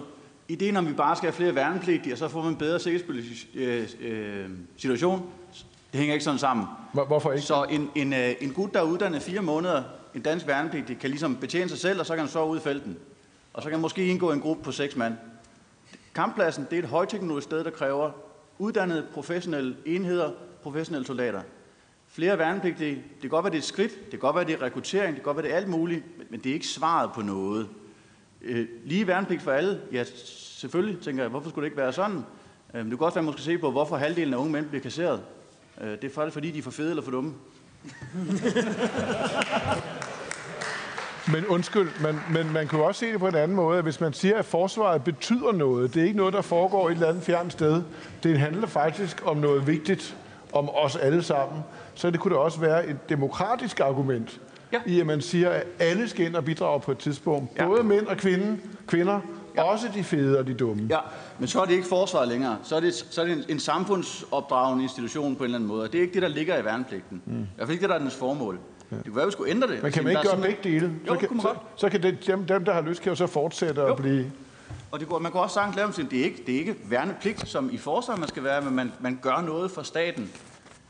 Jeg ved bare ikke, det, det er måske lidt være, være lidt outdated, men sådan tvinger folk ud fra det, de nu er i gang med, og nu skal du, skal du tvangslave et eller andet for staten i et års tid her. Ja, det lyder øh. som gymnasiet. øh, værsgo, her. Ja. Hvordan forholder I jer til sådan Nord Stream 2, og hvordan det sådan vil påvirke Danmarks sikkerhedspolitik? Ja. Nord Stream 2, som jo er en rørledning gennem men det, er jo, det, det, er jo, det er jo et fremragende eksempel på, at energipolitik er også sikkerhedspolitik. At der er så mange andre politikområder, som vi ikke har været vant til at tænke sikkerhedspolitisk. Det her det er også sikkerhedspolitik. Hvorfor med det er gasforsyningen til øh, russisk gas til Tyskland er sikkerhedspolitik for Tyskland. Nu vil man lægge en øh, rørledning. Men sådan er det hele vejen rundt, så der er rigtig mange øh, ting rundt i samfundet, som vi ikke har været vant til at tænke sikkerhedspolitisk, som vi simpelthen er nødt til at tænke sikkerhedspolitisk. Så det er en sikkerhedspolitisk issue. Energipolitik. Ja. ja. Yes. Altså i sidste ende, så kan man Trump har jo også nærmest gjort Nord Stream og, og uh, Tysklands forbrug af gas til et sikkerhedspolitisk spørgsmål i forhold til NATO, fordi han blev ved med at sige, jamen prøv nu at høre, I slår, I vil have, at vi slår Rusland hårdt i hovedet med sanktioner, vi skal opruste i Østeuropa, alt imens I er dybt afhængige af Rusland og betaler milliarder af euro hvert år til russerne. Hvordan hænger det sammen? Og det er jo så et spørgsmål, russerne, eller tyskerne måske skal til at finde et, øh, et svar på okay, andet. Men burde Danmark så bare sige nej til, at russerne ført alt deres, deres elendige gasledning at lige forbi Bornholm? Det er jo det. Vi kunne bare sige nej. Vi vil ikke være afhængige af alt det russiske gas. De er ikke vores venner. Vi vil ikke bringe os i et afhængighedsforhold. Burde vi så ikke bare sige det? Altså, vi er børnehaveklasse-eleven, ikke, der står over for den kæmpe store 9. klasse elev, der spørger, om, om han lige må gå forbi os. Ikke? Og så siger man ikke nej. Så derfor så håber nej, at alle de andre i skolegården vil sige nej til ham, bøllen der. Ikke? Mm. Det er det, der har været Danmarks strategi indtil videre. Og, og det tror jeg, man skal tænke, at det, det, det vi kan gøre, det er bare lige at vente og se, om ikke der er nogen andre, der vil svare på det spørgsmål. Mm. Så Danmark ikke bliver uvenner med Rusland. Men det viser jo meget godt, at vi bliver nødt til at have nogle, øh, en sammenhæng, hvor vi taler sammen med nogle andre øh, ligesindede lande, og, og det, det vil jo ikke nytte noget, vi havde en større her. Vi vil ikke turde sige nej til Rusland med Nord Stream alligevel, uanset om vi brugte 2 eller 4 procent af BNP på, på militær. Ja. Måske skal man lige sige, hvad man hedder og hvor man kommer fra. Jeg kan fornemme, at det er Gammel Hellerup Gymnasium. Ja, jeg er fra Gammel Hellerup i hvert fald. Ja, jeg kan genkende folk fra Gammel Hellerup, når jeg ser dem. Det er langt. Ja. Jamen, øh, først så vil jeg gerne lige nævne det. Der blev lige sagt noget der med de værnepligtige, der bliver aflyst, eller afvist og sådan noget. Nu er jeg selv lige blevet 18, og jeg har så fået at vide af forsvaret, der går 6 måneders variation i, hvornår jeg skal ind. Men det er sådan, men altså, det er jo så nemt at blive afvist. Altså, du går ind og siger, at du er ondt i knæet, så er du færdig, ikke? Så kan du få lov at gå hjem. Altså, det kræver ikke så meget nu til dags, fordi der er sådan en konsensus om, der ikke er brug for særlig mange værnepligtige. Og der er nok, der melder sig frivilligt til, vi opfylder kravet, så giver det jo meget god mening. Men øh, til det med de 2 procent, altså Danmark som småstat, altså vi har brugt 4 milliarder kroner på 10 fly. Rusland har været 17.000. Altså vi kan jo ikke gøre noget som helst selv. Vi har brug for et land som USA til at hjælpe os, så er det ikke fair nok, at man møder et argument som 2 procent, i stedet for at snakke om, om 5 år, så har vi 1,3. Så når I siger, at om 5 år har vi 1,3, så hører jeg bare, at vi stadig ikke har 2. Mm. Så er det jo fair nok, at Rusland, som, eller som, at USA som stort land, ikke gider komme og hjælpe os hvis vi ikke engang kan møde 2 procent. Hvad, hvad, hvad, så, bliver, hvad bliver jeg var lige, der var lige noget ekstra der, ja, fordi, ja. øh, Philip, jamen, Philip han kom ind på det her med, at hvad er det, det vil snakke om, det var 15 milliarder kroner, der svarer til de her ekstra, vi skulle lægge. Altså, hvis man nu gør, hvis man nu gør det, og så snakker man, hvad for nogle sikkerhedspolitiske prioriteter er der så, kunne man ikke bare smide de 15 milliarder, eller hvad det er, i, i cybersecurity, og så kunne man have en sindssygt god øh, forsvars- efterretningstjeneste inden for cybersecurity, og så kunne vi bare køre noget offense med det. Et eller andet. Altså, eller også, at man kunne sortere dem på forskellige ting, men altså 15 milliarder kroner, eller hvad det så end er, eller de resterende 0,7 procent, det må der kunne gå til et eller andet, eller okay. fordeles på noget ja. brugbart. Yes. Det. Ja,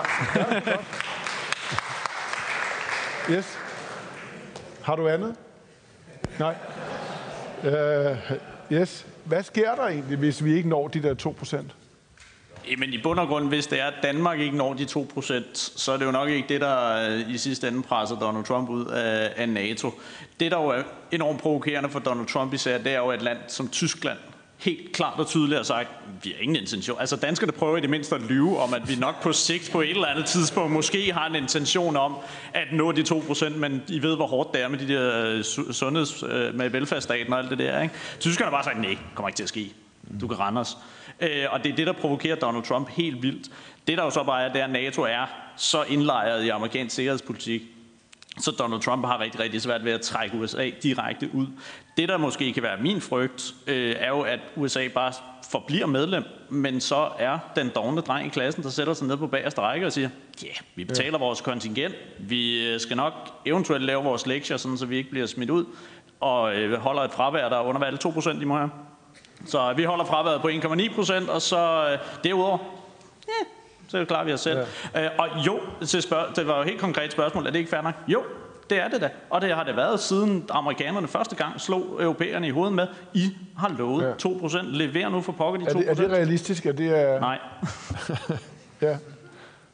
Altså, øh, man, kan, man kan bruge meget tid til at diskutere 2%, men hvis man skal kigge også sådan politisk på forsvaret som, som militært virkemiddel, så kræver det, at der er nogle ting i den værktøjskasse, når man tager det op, så er der noget, der, der er velfungerende, det passer ind sammen med alliancepartnerne, det kan løse en opgave. Det er ikke noget, hvor andre, vi, vi, er nødt til at have, vi kan godt være med, men de andre skal passe på os.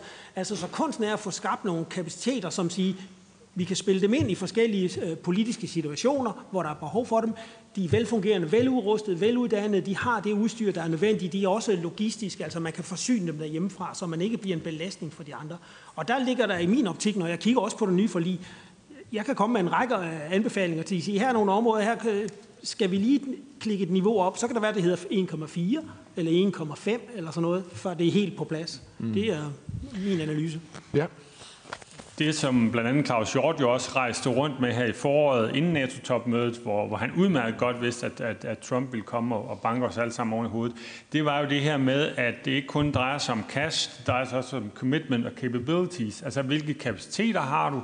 Køber du det rigtige materiel, og bruger du dine soldater, eller render de bare rundt øh, over i Oksbøl og, øh, og, og træner? Øhm, og der har vi jo øh, brugt meget tid på at forklare amerikanerne, alle andre, der gad høre på det, at vi har godt om, vi bruger ikke så mange penge, men vi sender til gengæld vores soldater øh, rigtig meget ud, øh, og vi har indkøbt de rigtige ting nu her i, eller ved at indkøbe i, i forsvarsforledet. Ikke? Jo. Men det, der også lå i spørgsmålet her, det var jo også, at hvorfor ikke bare bruge alle pengene i virkeligheden? Eller i det mindste så 15 milliarder ekstra, eller hvad det kan være, på at specialisere os 100 procent i, i, øh, i bekæmpelse af, eller, eller i cyber security i det hele taget. Det kan også være, man kan. Så er det det, vi kan. Så, så behøver vi egentlig ikke andre værnepligtige end dem, der sidder ved en computerskærm. Nej, det gør de fleste jo, har, har, har set efterhånden. Men, men vi er over ved det med kapaciteterne. Hvad, hvad er det for noget? Hvad er, hvad er det også, hvad det vores alliancepartner efterspørger? Og det følger ikke, at fordi man har kontanter, så har man også de mennesker, der skal være der. Det er heller ikke værnepligtige, der skal være i FE, hvis vi opruster med cybersikkerhed. Det er højtuddannede mennesker, specialister, som hvis ikke de arbejder hos FE, så arbejder de hos en eller anden teknologigigant til en anden løn, end øh, man får som værnepligtig. Ja.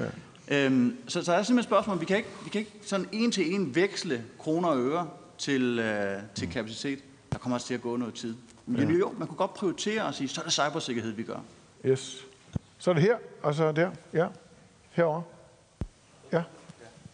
Undskyld, var der en, der var, var i gang med? Jamen, så tager vi dig først. Sorry. Hallo, hallo. Okay. Hej Martin. Hej. Langt til siden. Hej. Står det godt? Ja. Ja. Nej, det er fordi, at øh, jeg har været på ferie med Martin. Ja. Øh, så øh, mit øh, spørgsmål går primært til manden i midten. Øh, det er fordi, at jeg tænker på, at når man hører europæere, så siger de altid, at de er eller, eller øh, danskere, så siger de altid, at de er danskere frem for europæere, og vi hører dermed, at Macron gerne vil lave en øh, fælles her, og normalt, når man ser noget med danske soldater, så siger de, at de gerne vil gå i krig for Gud, Kong og Fæderland. Men jeg tænker, hvor får man den her patriotisme for øhm, Europa, og at man gerne vil øh, vise sit liv til Europa? Fordi det er det, også EU-parlamentsvalget, det er, det er ikke fordi, der er så mange, der stemmer til det ja. i forhold til alt andet, så øh, jeg kan bare ikke lige se, hvordan... Altså, jeg vil aldrig gå i krig for Europa. Danmark, ja, men Europa, det vil ikke, det vil ikke komme til at ske. Ja. Yes. Godt. Det er godt jeg, spørgsmål. Jeg, jeg, jeg antager du spørgsmål til mig. Jeg kan ikke svare, hvad man gør. Jeg kan svare, hvad jeg gør. Og jeg er noget så gammeldags som idealist. Jeg har faktisk en tro på, at de ting, vi beslutter herinde, de ting, den lovlige valgte regering beslutter, vi skal sætte danske soldater til, det er rigtigt. Jeg kan godt have min egen meninger om tingene. Jeg var ikke for Irakkrigen. Alligevel så blev jeg sendt til Irak, fordi det var nu en del af, jeg, var, jeg valgte at være en del af værktøjskassen. Og definitionen på en bananrepublik er vel et sted, hvor herren sådan, I skal lave det her til, nej, det, nej, det gider vi ikke. Vi, vi vil lave noget andet. Så hvis man trækker uniform, som jeg gør hver dag, så udfører man de opgaver, man bliver stillet. Hvis, den valgte, hvis vi så herinde beslutter os, at nu er det EU-opgaver, vi løser, så løser vi dem. Men undskyld, mener du virkelig, det er helt rigtigt? Altså, hvis der nu var et blåt og et gult flag der på, på skulderen der, ville det så betyde lige så meget for dig at trække sådan en uniform? Som det, den det, der? Det, gør, det, det, det, det er jo et rent hypotetisk det kan jeg ikke svare på. Ej, men det vil... men, men jeg, kan, jeg kan i hvert fald så jeg ved sgu ikke, om jeg var i krig for Gud, konge og fædreland i hverken Irak eller Afghanistan. Det var ikke, i hvert fald ikke den eneste motivation, der gjorde, at jeg tog afsted. Øhm, der er også en professionel stolthed. Der er også noget med, at det kunne give mening for dem, der var dernede. Der er også noget med, at man er kommet i den enhed, man nu er i. Øhm, jeg er ikke sikker på over for soldaterne. Der, jeg, jeg tror, de fleste også trækker uniform er ligesom med på at sige, vi, vi ved godt, at vi er et politisk instrument. Det er, ikke, det er ikke sådan, at vi er værdiløse, og vi ikke skal, at man ikke skal tænke ind og tage hensyn til dem. Vi, vi ved, vi ved mm. godt, at vi har accepteret, at vi bliver sat til nogle opgaver, som vi ikke selv er herre over. Ja. Så kan vi gå ud og trække civiltøj på at stemme til folketingsvalget. Det gør vi også. Vi har også vores meninger. Men, men vi må løse til at skille de to ting ad. Jamen, der vil jeg egentlig godt udfordre præmissen for spørgsmålet, fordi selvom det er, at vi laver en EU her eller en EU-styrke, så vil det jo ikke være for EU. Så er det fordi, vi har fundet ud af, at Danmarks 16 kampvogne, eller hvor meget det er, det dur ikke. Vi er nødt til at lave en pulje, og den pulje hedder i det her, til, i det her scenarie EU. Vi, jo heller, vi gik jo heller ikke i krig for NATO i Kosovo i, øh, var det 98-99. Det gjorde vi sådan set også for egen interesser, fordi vi fandt ud af, at den klub, vi var medlem af, de skulle derned. Så, så præmissen er, er jo lidt forkert, fordi det er jo ikke for Bruxelles, vi så går i krig, hvis det er i en EU-kontekst. Det er stadig for København. Det er bare for vores interesser, der går igennem en anden man klub. Kunne også være, man kunne også sige, at man gik måske i krig for nogle værdier, som gik lidt længere end bare de danske. tilbage til de der, det der lidt gammeldags... Jeg synes, det er ret moderne med værdier, faktisk. Yes. John G. Larsen, Organisationen Folk og Sikkerhed. Jeg synes, det er en utrolig god, spændende debat, vi har gang i, og hvor er det dejligt, at de unge er engageret i det. Jeg har et, et øh, spørgsmål til hele panelet og en, og en bemærkning til vores øh, ven fra officerskolen. Først et spørgsmål til alle sammen panel. Jeg er ikke kun i tvivl om, det er vigtigt, at vi forholder os til at drøfte 2%-tilgangen. Men jeg kan ikke lade være med at spørge jer, har I gjort de øh, følgende overvejelser om, hvad er det for nogle opgaver, forsvaret har i dag, i forhold til den sikkerhedspolitiske situation. Hvordan hænger det sammen med den økonomi, der er sat af til det? Jeg synes, det er en meget interessant indgangsvinkel, fordi lige pludselig bevæger vi os lidt væk fra de 2%, som er vigtige, over til konkret, hvad er det for nogle opgaver, man har lagt øh, på vores forsvar og vores beredskab? Hvordan hænger det sammen i en ø- økonomisk kabale? Så mit spørgsmål er, er det også nogle tanker, I gør, eller er det sådan helt øh, waste of time? Øh, Det er et spørgsmål til hele panelet, og så en bemærkning til vores øh, ven på officerskolen. Jeg synes, det er alt for enårigt, når du melder ud og siger øh, i forhold til øh, øh spørgsmål omkring værnepligten, at, øh, øh at det, det er en professionel her. Ja, det er jeg enig med dig i.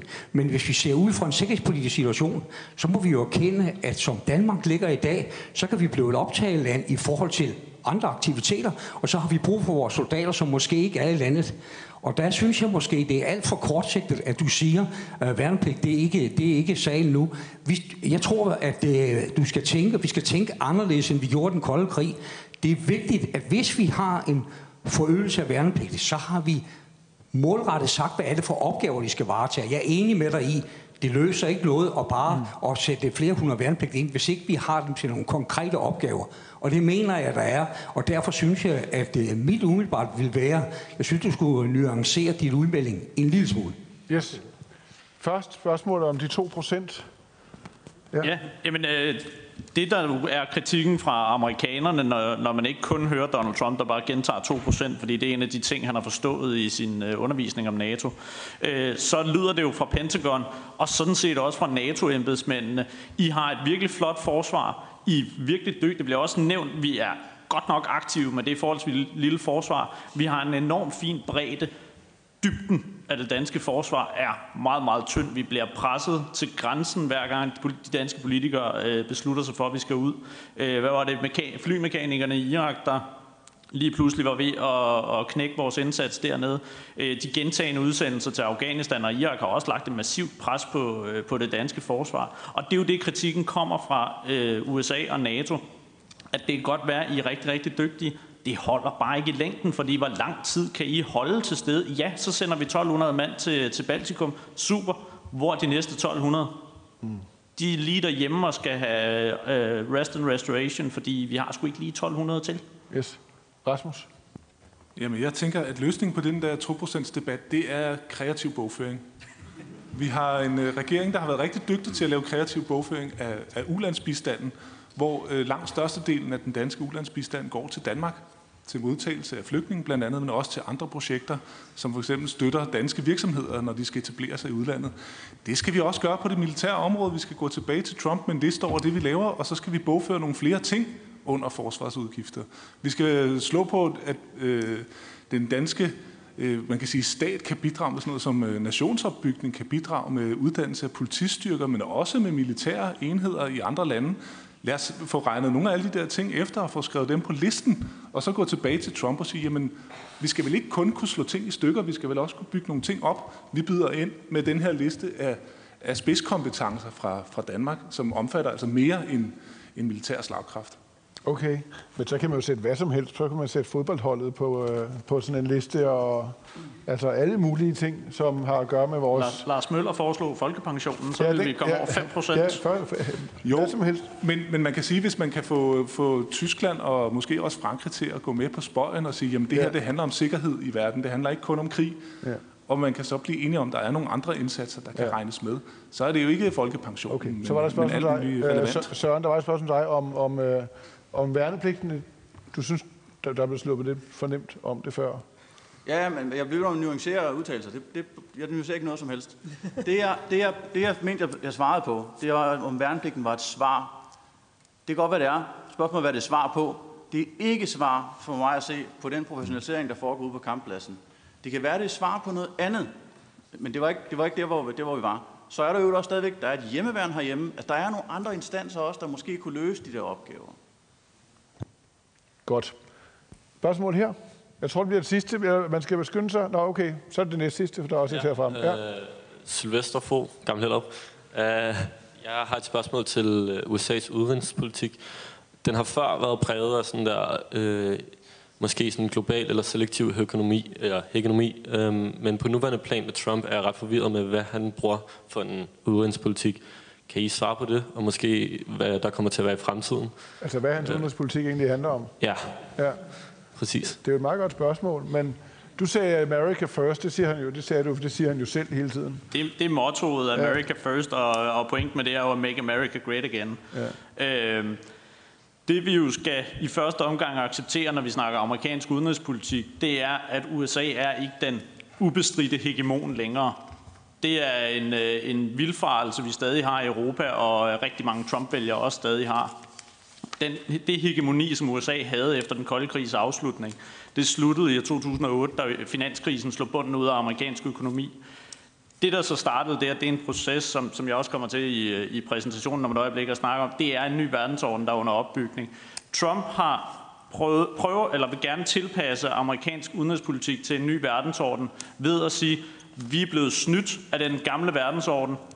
Så i stedet for bare fintune den til at acceptere, at der er andre stater på, på banen, så skal vi simpelthen bare gå tilbage til, øh, altså jeg plejer at sige, den bedste måde, du kan sammenligne Donald Trumps udenrigspolitik, der skal du ud af det 20. århundrede, du skal også ud af det, altså ud af det 21. du skal også ud af det 20. århundrede, du skal tilbage til det 19. århundrede.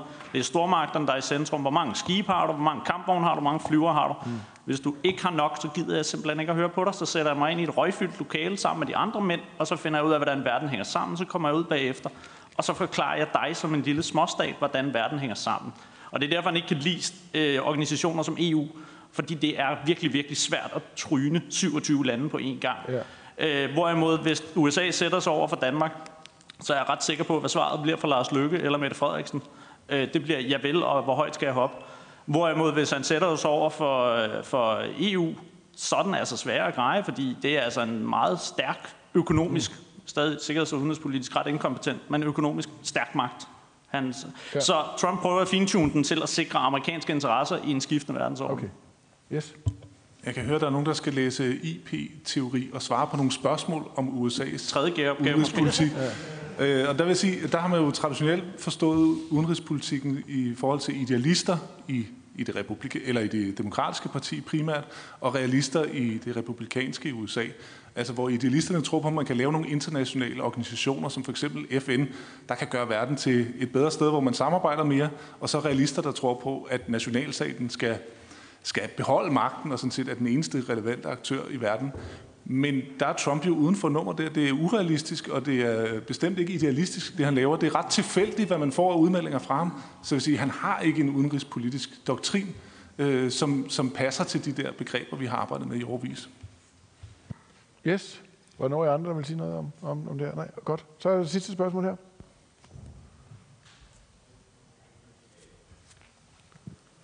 Ja, jeg hedder Misra, og jeg skriver for en indisk avis, Times of India.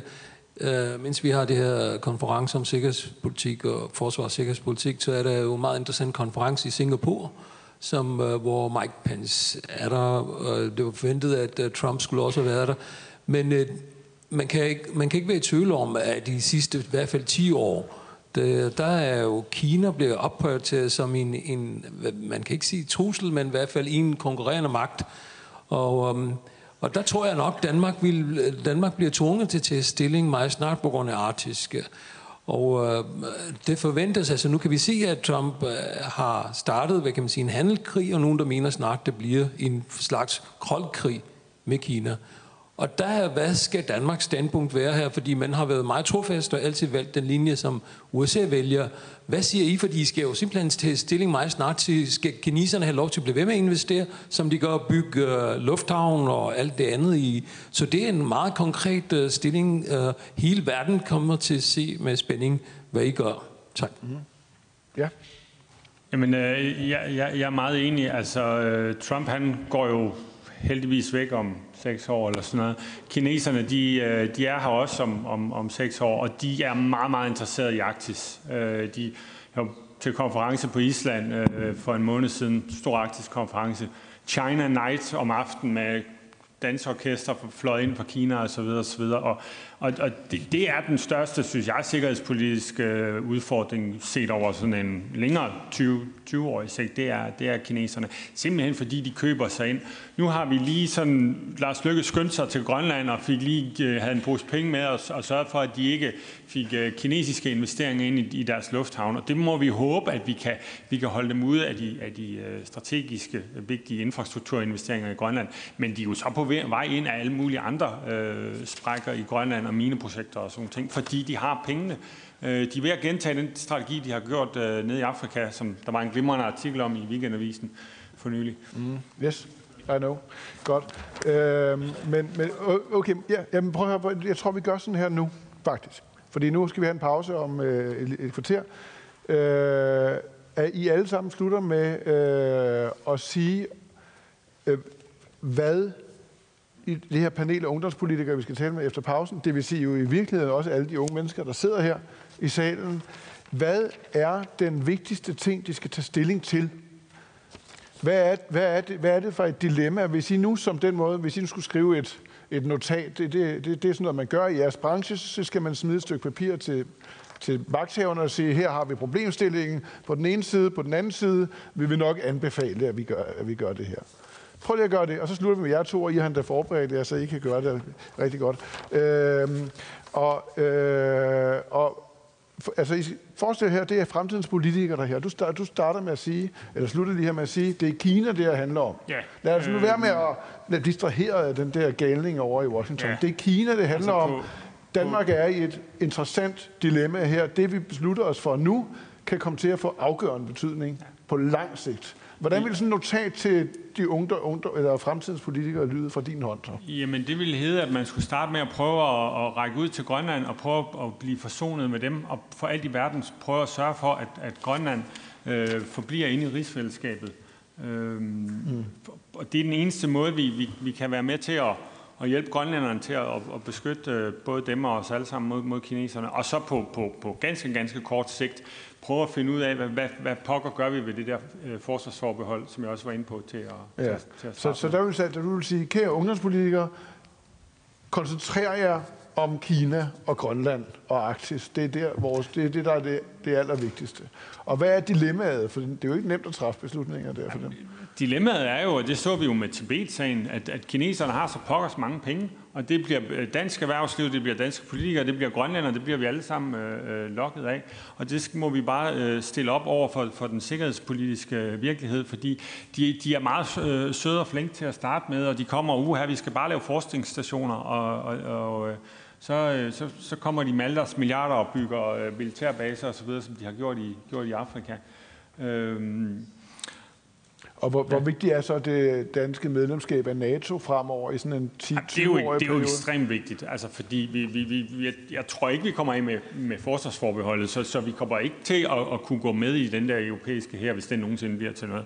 Øhm, så, så vi skal enten finde pengene og komme op på de der pokkers 2%, eller også så skal vi blive ved, som vi har gjort stort set siden vi blev Mm. meldt ind i NATO, øh, prøve at finde alle mulige andre løsninger, og øh, sende en masse soldater ud og deltage i en masse ting, og hele tiden gøre opmærksom Ja. på, at vi har Grønland og, og de der ting. ikke? Det kunne godt være, nu, nu er du så rådgiver for fremtidens politikere, der er en eller anden, der vil sige, altså, skal vi forhindre grønlænderne i at øh, få selvstændighed? Det kan godt være, Ja. at de gerne vil. Skal, skal vi simpelthen på en eller anden måde Vi skal sige, finde en eller anden mellem, vi skal, vi, skal, vi skal finde en eller anden mellemvej, hvor, øh, hvor vi stadigvæk forbliver gode venner, hvor de ikke bliver så sure og løber ud af døren, smækker med døren Ja. øh, og, Ja. og løber lige i på Ja. kineserne. Det vil sige, at virkeligheden i forhold til Grønland er vendt fuldstændig på hovedet, fordi før var det fuldstændig ligegyldigt, hvad de gjorde for os. Altså, de, de var der jo bare, det var irriterende, de skulle have det der bloktilskud og så videre, ikke? Øh, nu har de rent faktisk en pressionsmulighed i den grad over for os, ikke? Ja, fordi vi, vi giver, har jo givet dem mere og mere ja. øh, okay. selvstændighed. Ikke? Okay. Grønland nummer et. Okay. Godt. Så er der det der med EU, ikke? som jo er dit speciale, EU og, og Europa. Og det de her vigtigste. ungdomspolitikere, hvad siger du? Det er det vigtigste. Ja, EU heldigvis jo, når du nu arbejder med det.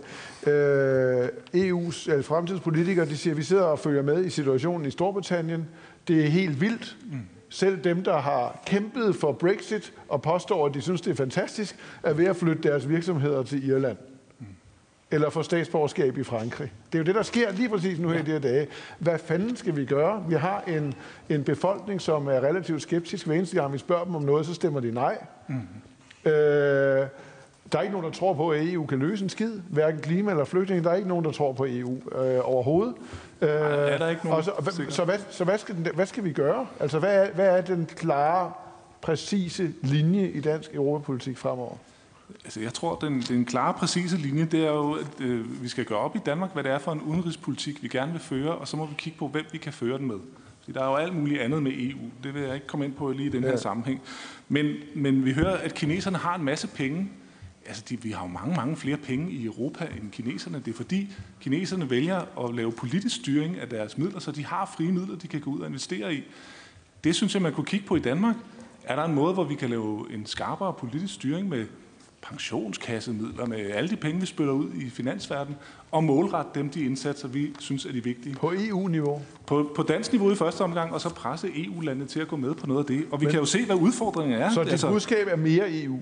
Nej, det er det sådan set ikke. Det, er, at- at vi, det, det vi hører her, det er jo også, at der skal politiske beslutninger til med, om hvad vi vil. Det er sådan set det, herren skal bruge for at kunne, for at kunne blive bedre. Det nytter ikke noget Og bare hovedløst. Så hvad, burde, hvad burde vi ville? vi, vi burde ville kigge på, at, øh, hvad de store udfordringer er, hvad, hvilken rolle Danmark og Europa kan spille, og det er jo sådan noget som klima. Kan vi gøre noget? Kan vi rykke på det? Det er sådan noget som øh, knaphed på ressourcer. Altså byggeriet mangler sand. Det er jo helt vildt, ikke? Altså landbruget mangler vand, der er ressourceknaphed alle vejen. Hvad kan vi gøre for det? Og så bliver vi nødt til at kigge på, hvordan kan vi spille en rolle i forhold til global ulighed, fordi det er en af de kæmpe store konfliktområder. Det er en af grundene til, at der opstår interne konflikter i lande, men også konflikter mellem lande. Så vi skal styrke Danmarks, eller danske politikere skal tage og kigge på, hvordan kan vi lave en analyse af de her udfordringer, og hvor kan vi så rykke, og kan vi bruge europæerne til noget, skal vi gøre det? Kan vi bruge nordmændene, eller kan vi bruge amerikanerne? Så, så må vi prøve at gøre det. Okay. Yes. Hvad, hvad vil du sige til dem? Vi skal blive enige om, hvad vi vil, på mere end øh, fire års øh, basis. Således at vi, når vi får svaret på nogle af de her strategiske spørgsmål, så finder vi ud af, hvad skal der være nede i værktøjskassen. Vi vil gerne have de her kapaciteter, som kan løse den her pluralitet af opgaver. Det betyder også fravalg. Det betyder både at til at fravalg i forhold til militære demser, der er opgaver, vi ikke kan løse, men det er også hårde prioriteringer i, at når vi kører en kampvogn, så er der nogle skoler, der ikke bliver bygget herhjemme. Og de prioriteringer skal vi blive nødt til at lave. Vi bliver nødt til at lægge dem åbent ud og sige, det her, det, det her er så vigtigt, vi vil bruge ressourcer på det. Eller det her, I kan glemme det. I får ikke de der 2%. Så den beslutning bliver vi nødt til at, at, at træffe. Og øh, så kunne det være, at man, når man kigger ned i værktøjskassen, skulle overveje at tænke sikkerhedspolitik bredere end militær hardware. Nu er vi sådan lidt kredset om, om det er noget med kampvogne, det er noget med skibe, så jeg synes, det er en fin pointe med, at, at, at øh, gasledningen, en gasledning er sikkerhedspolitik. Øh, kinesiske investeringer på Grønland, altså i Grønland er sikkerhedspolitik. Så sikkerhedspolitik er måske bredere end, end sådan nogen som mig i uniform. Og det kan også være et spørgsmål, hvor, hvor, hvor hører vi til hen? Hører vi til i cybersikkerhed? Hører ja. Vi til i, eller er det, er det civil, eller hvor, hvor går grænsen her mellem de her, de her aspekter? Men hvis de så spørger dig, oh, men altså, hvor skal Danmark placere sig? Altså, nu har vi ligget ret hardcore på strammer end i mange år. Altså, vi har været de første der i bussen, når, der har været, øh, når, når den skulle køre til Afghanistan eller Irak, og du har selv siddet i den. Nu, nu har vi ligesom lagt os sådan lidt midt i. Ikke? Altså, øh, vi afventer lidt i forhold til, det må være den rigtige analyse, i forhold til, hvor verden bevæger sig hen. Hvis man nu var fremtidspolitiker og spurgte dig, er det det rigtige sted at ligge med de erfaringer, vi har, og med den måde, verden ser ud på i dag? Så der, der er god militær dok, øh, hvad hedder det, doktrin i, at hvis ikke man har styr på situationen, så har man en stor reserve. Altså man Ja. afventer. Når først man har besluttet, så committer man sig. Så, så så længe vi ikke har svaret på de der grundlæggende spørgsmål, hvad vil vi, og hvad skal der være i værktøjskassen, så er det nok et ret godt sted at ligge, at vi ikke ligesom committer os til noget som helst. Ja, okay. Det sekund, vi så gør det, så, ja. så, skal, vi ligesom, så skal vi der fremad ja. ja. Så det bliver deres ansvar at beslutte sig for, hvor rykker vi faktisk hen. Rammerne gør, ja. ja. Og så må vi andre fylde dem ud. Okay, men det vil sige, det du siger, der ligger nogle sindssygt store beslutninger lige om hjørnet og venter her. Ja. Ja. ja. Øhm, til jer øh, ungdomspolitikere i NSB, og det er også de andre, der sidder derude, der, der måske kunne tænke sig at gå med ind og få en afgørende indflydelse på samfundets udvikling, så vil sige, at den dag, der har været folketingsvalg, og I er valgt ind på Christiansborg, og I skal i partiet, der sidder og beslutte, hvem skal have hvilke ordførerposter osv., så skal udenrigs- og sikkerhedspolitik være det første. Fordi det er det helt afgørende for hele samfundets øh, velstand, og at vi har et velfungerende øh, verdenssystem med global handel for vores virksomheder, for Mærsk som rederi. Så alt, alle andre politikområder hviler faktisk på det område, og det har været sådan en tendens til, at det var så noget, man tog til den yngste folketingsmedlem, som ikke fik øh, øh, socialordfører eller noget andet. Men det skal I gå ind for. Og hvis I gør det, så får det en anden rolle i, øh, i øh, Folketinget, det får en anden rolle i øh, samfundet, og det betyder, at man øh, drøfter mere udenrigs- og sikkerhedspolitik, man får måske lavet nogle høringer, øh, og får det også åbnet op, så her og fru Danmark kommer lidt mere, for ellers har det været sådan meget lukket elitær klub. Så det skal være det allerførste råd. Og så at sige, at der er tre områder, man skal fokusere på. i rigsfællesskabet, som Andreas siger, for det er helt afgørende for Danmark, at øh, det kommer til at køre. Øh, vi kan ikke øh, håndtere Kina alene. Østersøen, hvad enten vi vil eller ej, så 600 år har, vi, har Østersøen bestemt dansk sikkerhedspolitik i balance mellem store magter. Det gør det også, med mindre at Rusland pludselig bliver medlem af både NATO og EU. Det sker nok ikke lige det første. Øhm, og så er der hele migrant, altså ustabilitet i Afrika. Øh, vi har selvfølgelig nogle styrker dernede, men der er rigeligt at gøre med at prøve at få et Afrika til at være velfungerende, og der skal også nogle, øh, noget hjælp til at bygge nogle øh, strukturer op. Yes. Jamen med far for at gentage noget af det, der er blevet sagt. Altså i første omgang, så er det at finde ud af, hvad skal Danmarks plads i verden være? Men hvad, prøv, prøv at sige, hvad, hvad betyder det? Spørg, det betyder sådan set, jamen, hvad, hvad har vi, nu har uh, Hans Peter har sagt, for eksempel rigsfællesskabet er meget vigtigt for os, Arktis, øh, Østersøområdet, sikring af fri ja. trafik på verdenshavene. Det er nogle prioriteter for os. Fint. Hvordan sikrer vi så det? Er det ved at fortsætte med at prøve at plise amerikanerne? Fordi det betyder ikke nødvendigvis, at vi graver øh, skyttegrav i Baltikum, bare for at vise, at vi er en del af NATO. Det kan også lige pludselig betyde, at vi sender en fregat til det sydkinesiske hav, bare for at være med. Bare et, et eller andet eksempel. Så, eller er det fordi, eller vil vi hellere over at lave en EU-afstemning om at komme af med forsvarsforbeholdet, og så satse den vej? Øh, og det er jo nogle ret fundamentale og ret store beslutninger, som, øh, som ungdomspolitikerne står overfor. Og det er også noget, som jeg synes har manglet i den politiske debat, både, sådan set, både i Danmark og i USA. Det er de store, altså grand strategy-niveauet. Altså hvad er de store strategiske linjer i, hvad vi egentlig vil? Fordi man kun tænker i forsvarsvillige perioder, eller valgperioder på Christiansborg. Altså noget af det mest succesfulde grand strategy planlægning, man har set i verdenshistorien, det er, da amerikanerne sætter sig ned i 1945 og siger, vi skal have knækket Sovjetunionen. Hvordan konstruerer vi en verdensorden for at gøre det? Det er lidt mere ambitiøst, end at bare sikre Grønland, det ved jeg godt. Men stadigvæk, grundideen er det samme. Hvordan sikrer vi vores interesser på lang sigt? Så kommer man med en plan, og så begyndte man at eksekvere den. Og faktisk fra 1945 og til 1991, det kan godt være, der var skiftende republikanske og demokratiske regering, regeringer, grundpræmisserne i amerikansk udenrigs- og sikkerhedspolitik var altid de samme. Men det har Danmarks også været. Grundpræmissen har ja. hele tiden været, at vi ligger os meget tæt på amerikanerne. Og så Men... har der været, så kan man sige, jo jo, der har været alt muligt med fodnoter og øh, og så videre og så videre, men vi har, vi har ikke været på vej ud af NATO. Og, og det er sådan og, og, det... og, og, og, og, og efter den kolde krig har der slet ikke været nogen tvivl om, hvor tæt vi har ligget. Siger du, at vi skal bryde med den grundpræmis nu, med det du ved om amerikansk politik? Det er, de er ikke vores venner mere. Vi må finde Nej, nogle andre. det vil jeg bestemt ikke sige. Jeg vil, altså, jeg vil plædere for at fortsætte med at øh, være så tæt knyttet til amerikanerne, som vi øh, kan slippe afsted med. Fordi umiddelbart ser jeg ikke øh, EU som en, øh, en alternativ vej for os, fordi vi har nogle interesser i Arktis, hvor det altså er amerikanerne, der er nærmest til at hjælpe os. Fordi igen, vi kan ikke selv gøre det. Okay. Tak skal I have, de her. Alle fem. Giv dem en stor hånd. Godt.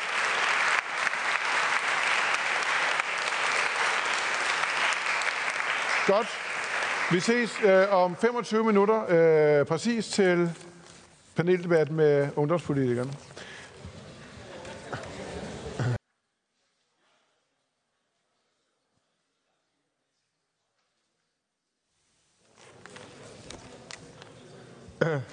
Vildt nok, at I, I bare sidder helt tavse, før der er nogen, der beder om ro, men øh, godt.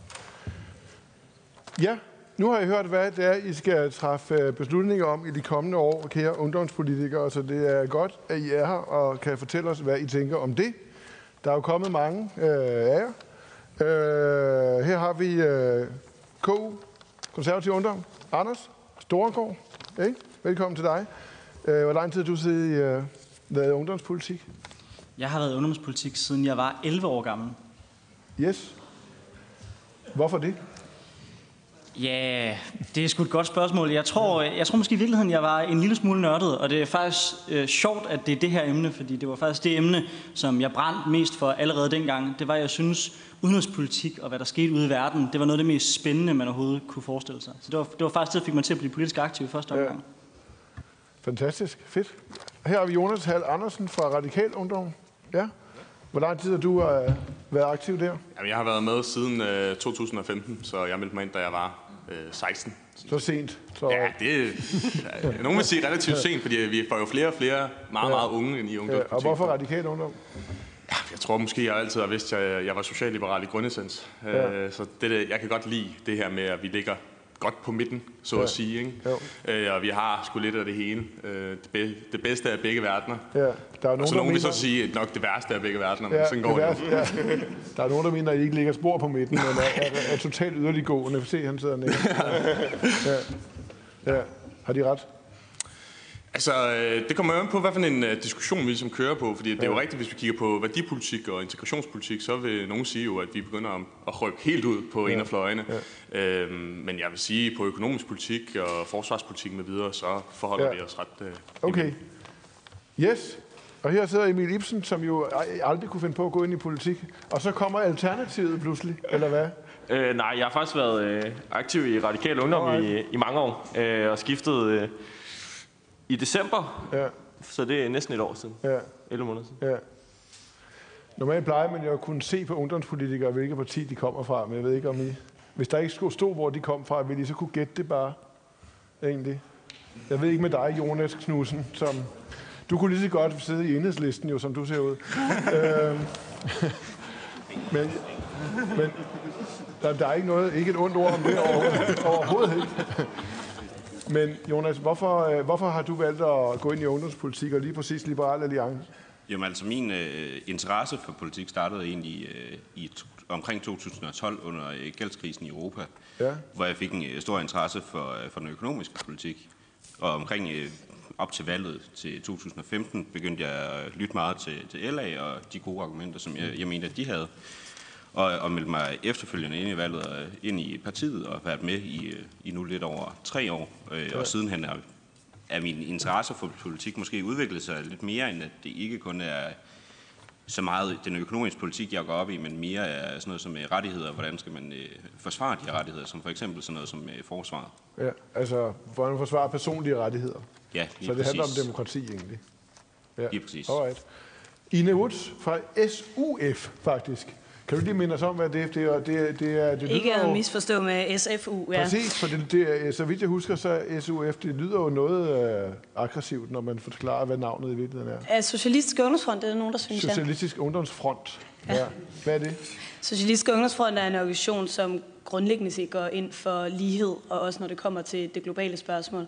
Jeg synes også, det er en super interessant diskussion, vi skal have her i dag, netop ud fra et, et mm. lighedsskabende perspektiv. Hvorfor, hvorfor er det lige øh, fronten, du har valgt at være aktiv i?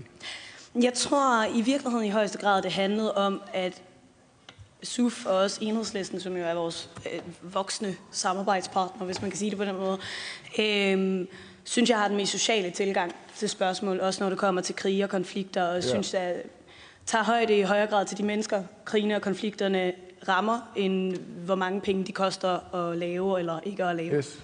Okay. Og her har vi så August, der er hoppet ind øh, fra Venstre, havde han sagt. Øh, fordi også det. Også det.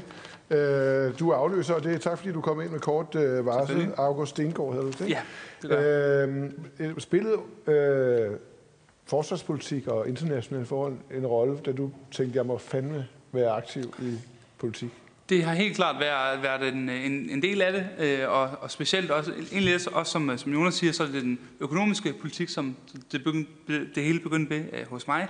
Øh, men generelt det der med de store linjer, øh, mm. de ting, hvor at, øh, du kan gøre noget for, for rigtig, rigtig mange øh, mennesker, hvor det er rigtig mange, man, man påvirker. Øh, det gør man ved økonomisk politik, i hvert fald når du gør den øh, ordentligt. Øh, det gør du også ved, ved øh, sikkerhedsforsvars- og udenrigspolitik, hvis du gør det ordentligt. Ja.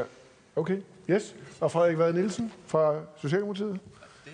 Nej, Nej undskyld, det er undskyld. Jeg tror, det var dit skilt. Ja, undskyld. Jeg burde jo også kunne kende dig. Christian Bylov fra Dansk Folkeparti's Ungdom. Ja, det er mig. Øh, det er dig, ja. Øh, I plejer jo at være, øh, være interesseret også i internationale forhold, særligt når det handler om indvandrere fra andre lande, eller EU.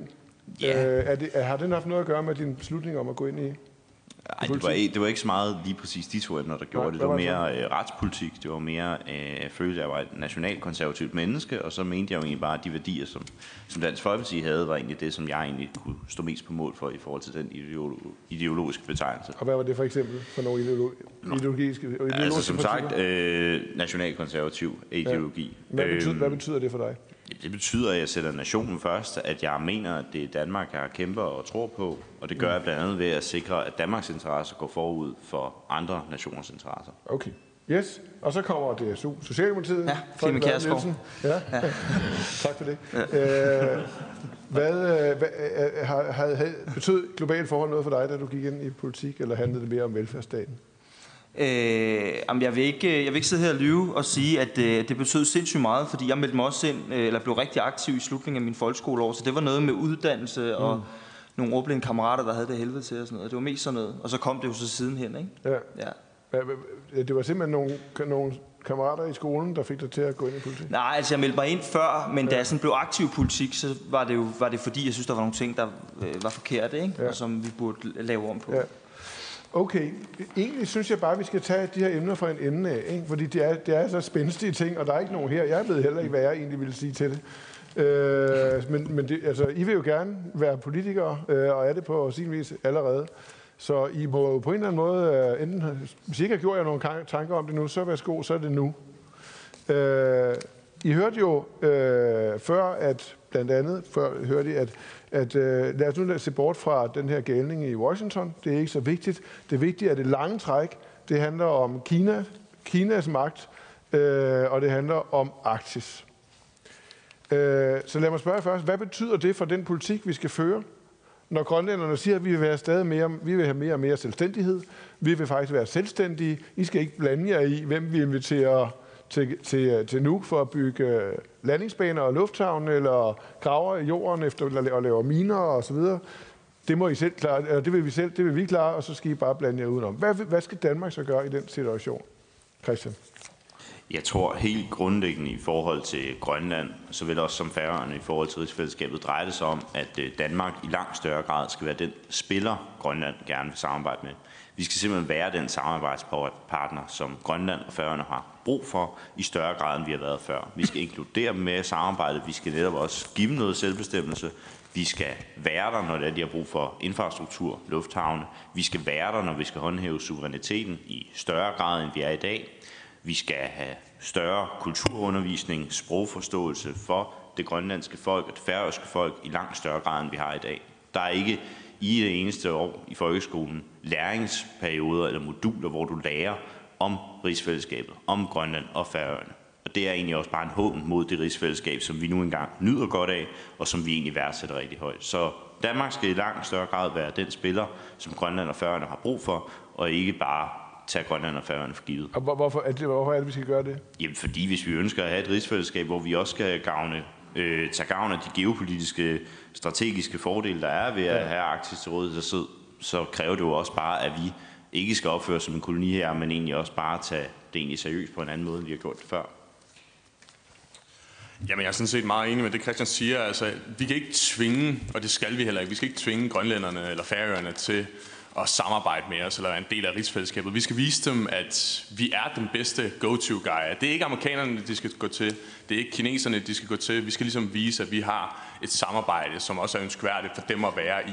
Og de presser os øh, på mange af de punkter, og måske jeg vil i hvert fald mene, øh, med god ret, fordi vi har igennem adskillige årtier ikke været de sødeste mennesker mod de her, øh, både færøerne og grønlænderne. Øhm, og igen, som det bliver sagt, det er, jo, det er jo ekstremt vigtigt, at vi holder fast i rigsfællesskabet, at vi får skabt en forståelse for, hvad er rigsfællesskabet egentlig? Øh, hvis vi gerne fortsat vil være til stede i Arktis, hvis vi gerne vil være en arktisk stormagt, øh, og hvis vi gerne vil være med øh, ved, ved, hvad skal man sige, ved bordet, når, når de her ting udfolder sig ved et af, et af de kommende helt store geostrategiske Men, men, men, men hvorfor? Altså, er, det, er der ikke nogen af jer, der mener, at det må grønlænderne selv? Altså, altså vi kan vel ikke... Altså, hvis nu Grønland bliver et selvstændig stat og selv styrer deres udenrigs- og, udenrigs- og sikkerhedspolitik, så, så er det da fint. Så kan de tage sig af alt det, der foregår op der i, i, i Arktis, der både handler om russerne og amerikanerne og, og hvad ved jeg. Øh, ja, hvad, hvad siger du, Ina? Altså, jeg tror i høj grad, jeg har det sådan, at på samme måde som der er mange øh, øh mine medkollegaer, eller hvad man kan kalde det heroppe, som synes, at, at når det handler om danske spørgsmål, både i indrigspolitik og også hvordan Danmark agerer udenrigspolitisk, at så er det det danske folk, der skal pege på, hvor vi skal hen af. Så er det, når det handler om de valg, Grønland skal tage, selvfølgelig også det grønlandske folk, der skal beslutte det. Jeg vil bestemt ikke udelukke et samarbejde mellem Danmark og Grønland, men jeg synes, det skal ske på en lige præmis, hvilket øh, involverer, at man sætter det til for eksempel en folkeafstemning, om Grønland vil have selvstændighed. Og ikke blot, jeg synes, det er lidt sjovt, når man hører, hører har vi både hørt her og også i den tidligere debat, at man, man gradbøjer selvstændighed. For mig at se, er det et enten eller spørgsmål. Enten så er du et selvstændigt land, og ellers er du ikke. Og det er, det er Grønland ikke i øjeblikket. Og det synes jeg, vi skal altså, ja. give Grønland i hvert fald muligheden for at blive. Ja. Ja, men jeg er utrolig glad for, at, at vi kommer til at starte med at snakke om Arktis, fordi det er klart, altså det er klart den allervigtigste sikkerhedspolitiske dagsorden for, for, for Danmark og rigsfællesskabet. Hvis ikke vi har rigsfællesskabet, så er der ikke nogen, der gider snakke med os, som i en tysk provins. Så det er simpelthen forudsætning for det hele.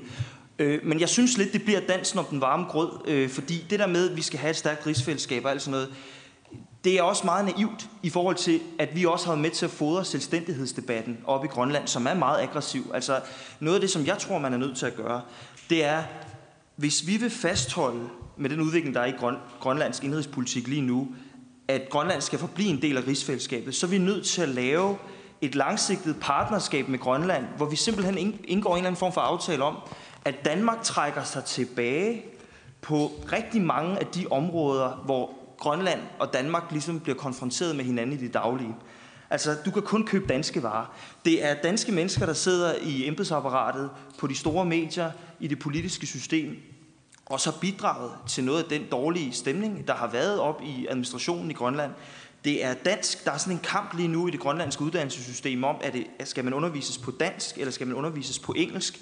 Altså, jeg tror, at vi, jo mere vi insisterer på at være til stede i alle aspekter af grønlændernes liv, fra de øh, bliver født øh, til de skal på et eller andet plejehjem, øh, jo, jo dårligere chance har vi faktisk, faktisk for at lave et, et partnerskab med dem, hvor de forbliver en del af vores udenrigspolitik, forbliver en del af vores rigsfællesskab. Undskyld, okay, okay, godt. Lad mig bare lige, bare lige bare en kort korrektion, eller en påmindelse, undskyld så har grønlænderne jo i dag øh, selvstyre, hjemmestyre. De kan, de kan rent faktisk ansætte lige præcis, hvem de har lyst til, at, til i de styrende organer, i skolerne. Overalt kunne de beslutte sig for at lave en total udrensningsproces, så der ikke var nogen, der talte dansk overhovedet. Det har vi slet ikke nogen indflydelse på. Det bestemmer de. Vi har indflydelse på udenrigs- og sikkerhedspolitikken, fordi vi er i rigsfællesskabet. Og så betaler vi en masse penge til grønlænderne, fordi de ikke har penge nok selv. Det er sådan, det ser ud. Altså det der med, at vi er i kolonimagt og sådan noget, det, det er vi lidt væk fra, tror jeg. Så spørgsmålet er mere, skal vi eller skal vi ikke insistere på at føre udenrigspolitik for Grønland? Bare lige for at give det, ja. bare et sidste ting til det, fordi det, det, er ikke, det er ikke 100% rigtigt. Det er rigtigt, vi er ikke nogen kolonimagt, og de har selvstyre.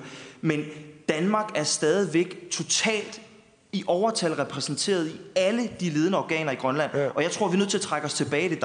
Jamen, det er grønlænderne, der ansætter danskere. Jeg skal jo blive enige om det. det er ikke, der er ikke nogen i Danmark, der siger, at de skal ansætte dansktalende øh, kontorchefer i hjemmestyret. Og så Det gør de jo selv. Nå, men det andet spørgsmål. Ja, Anders? Ja, øhm, de ansætter rigtig, rigtig mange danskere, men det er så også fordi, det er et meget, meget lille folk, som også har behov for folk udefra til at hjælpe med at få det til at fungere. Ja. Øhm, det vi altid har set med Grønland, det er ikke en kolonisituation.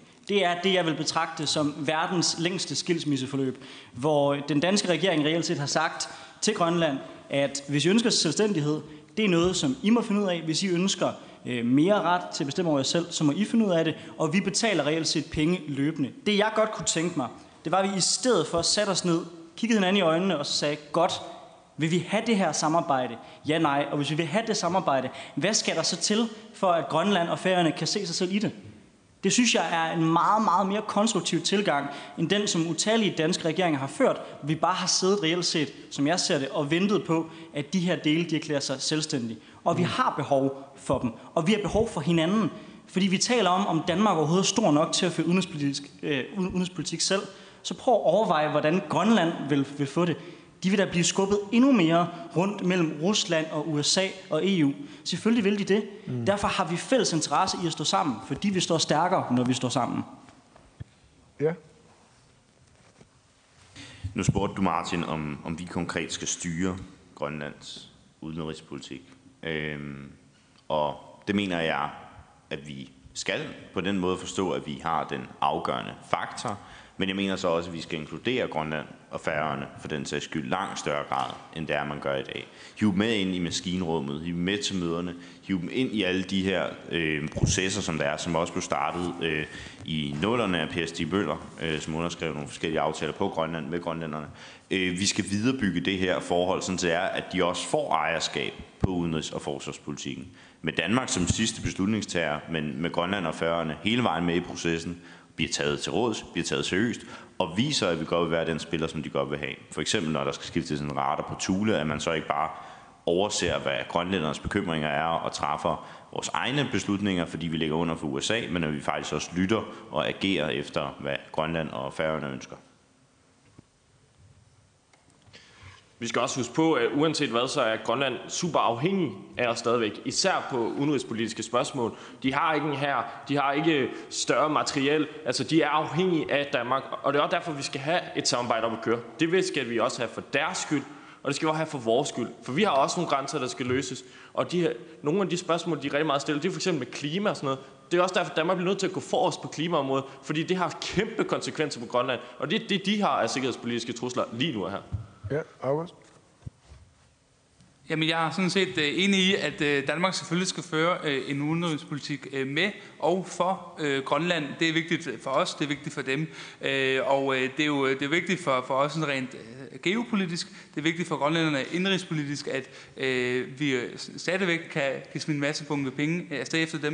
Men jeg tror ikke, at den øh, retorik øh, og, og snak, som, som primært Frederik og os andre på, på venstrefløjen ligger, ligger for dagen med, at jamen, vi, vi er også bare en kolonimagt, og vi er nogle, nogle værre nogen, og øh, alt, alt muligt. Øh, det synes jeg er, er ret ærgerligt, og jeg synes sådan set ikke, at det ligger op til en, en særlig øh, konstruktiv øh, dialog, og, og en god mulighed, det ligger ikke op til en god mulighed for at føre udenrigspolitik med og for øh, Grønland. Ja, det ser ud som om, at du godt kunne tænke dig at svare. Det, det er bare meget, meget kort bemærkning til det, vi har sagt, fordi ja. jeg er enig med dig i, at det er ikke noget, vi skal blive ved med at dvæle i, men det er bare vigtigt, at vi bliver nødt til at forholde os til det. For det er bare ikke noget, vi har forholdt os til før. Vi har ikke forholdt os til de ting, som det er, at Danmark nu engang har gjort ved Grønland og ved Færøerne, som har haft katastrofale konsekvenser for vores samarbejde i rigsfællesskabet. Thulebasen, overflyvninger med brandbomber, flystyrtet, alle de her ting, som har sat gang i selvstændighedsdebatten, hvor Danmark har lavet kolonimagt, der netop har holdt Grønland og Færøerne uden for beslutningsprocesserne. Det er vigtigt, at vi bliver ved med ikke at køre i dem, men vi er nødt til at erkende, at vi har begået nogle fejl, som er ret essentielle for det rigsfællesskabssamarbejde, vi okay. har i dag.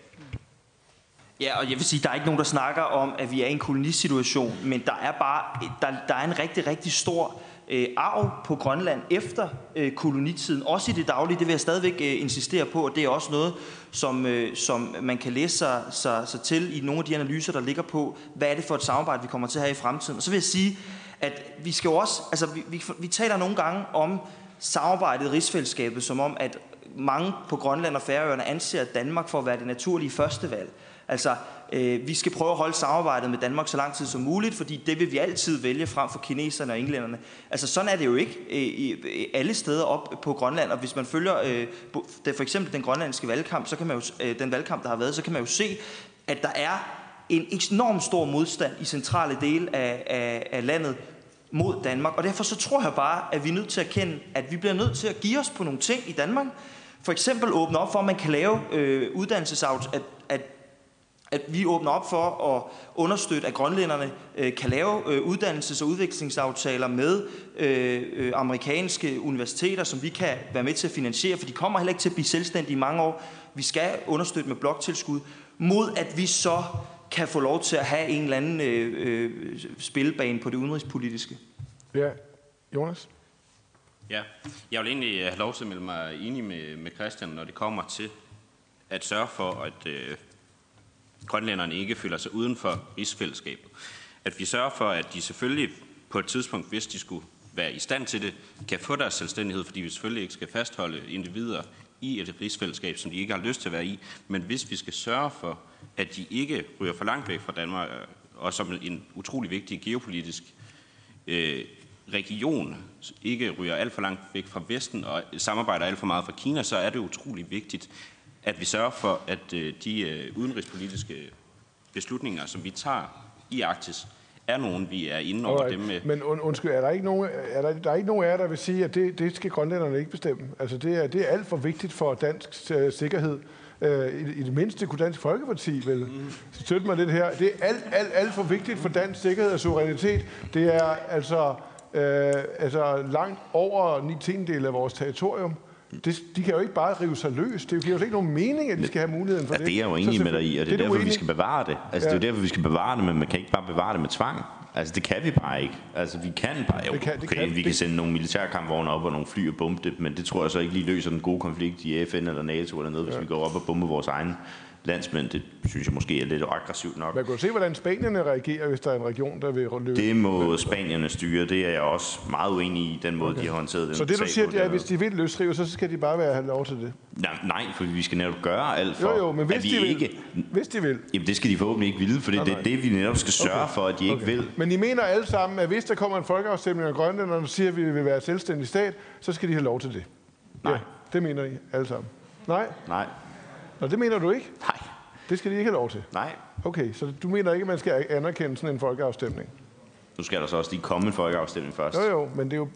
Ja, ja, klart. Yes.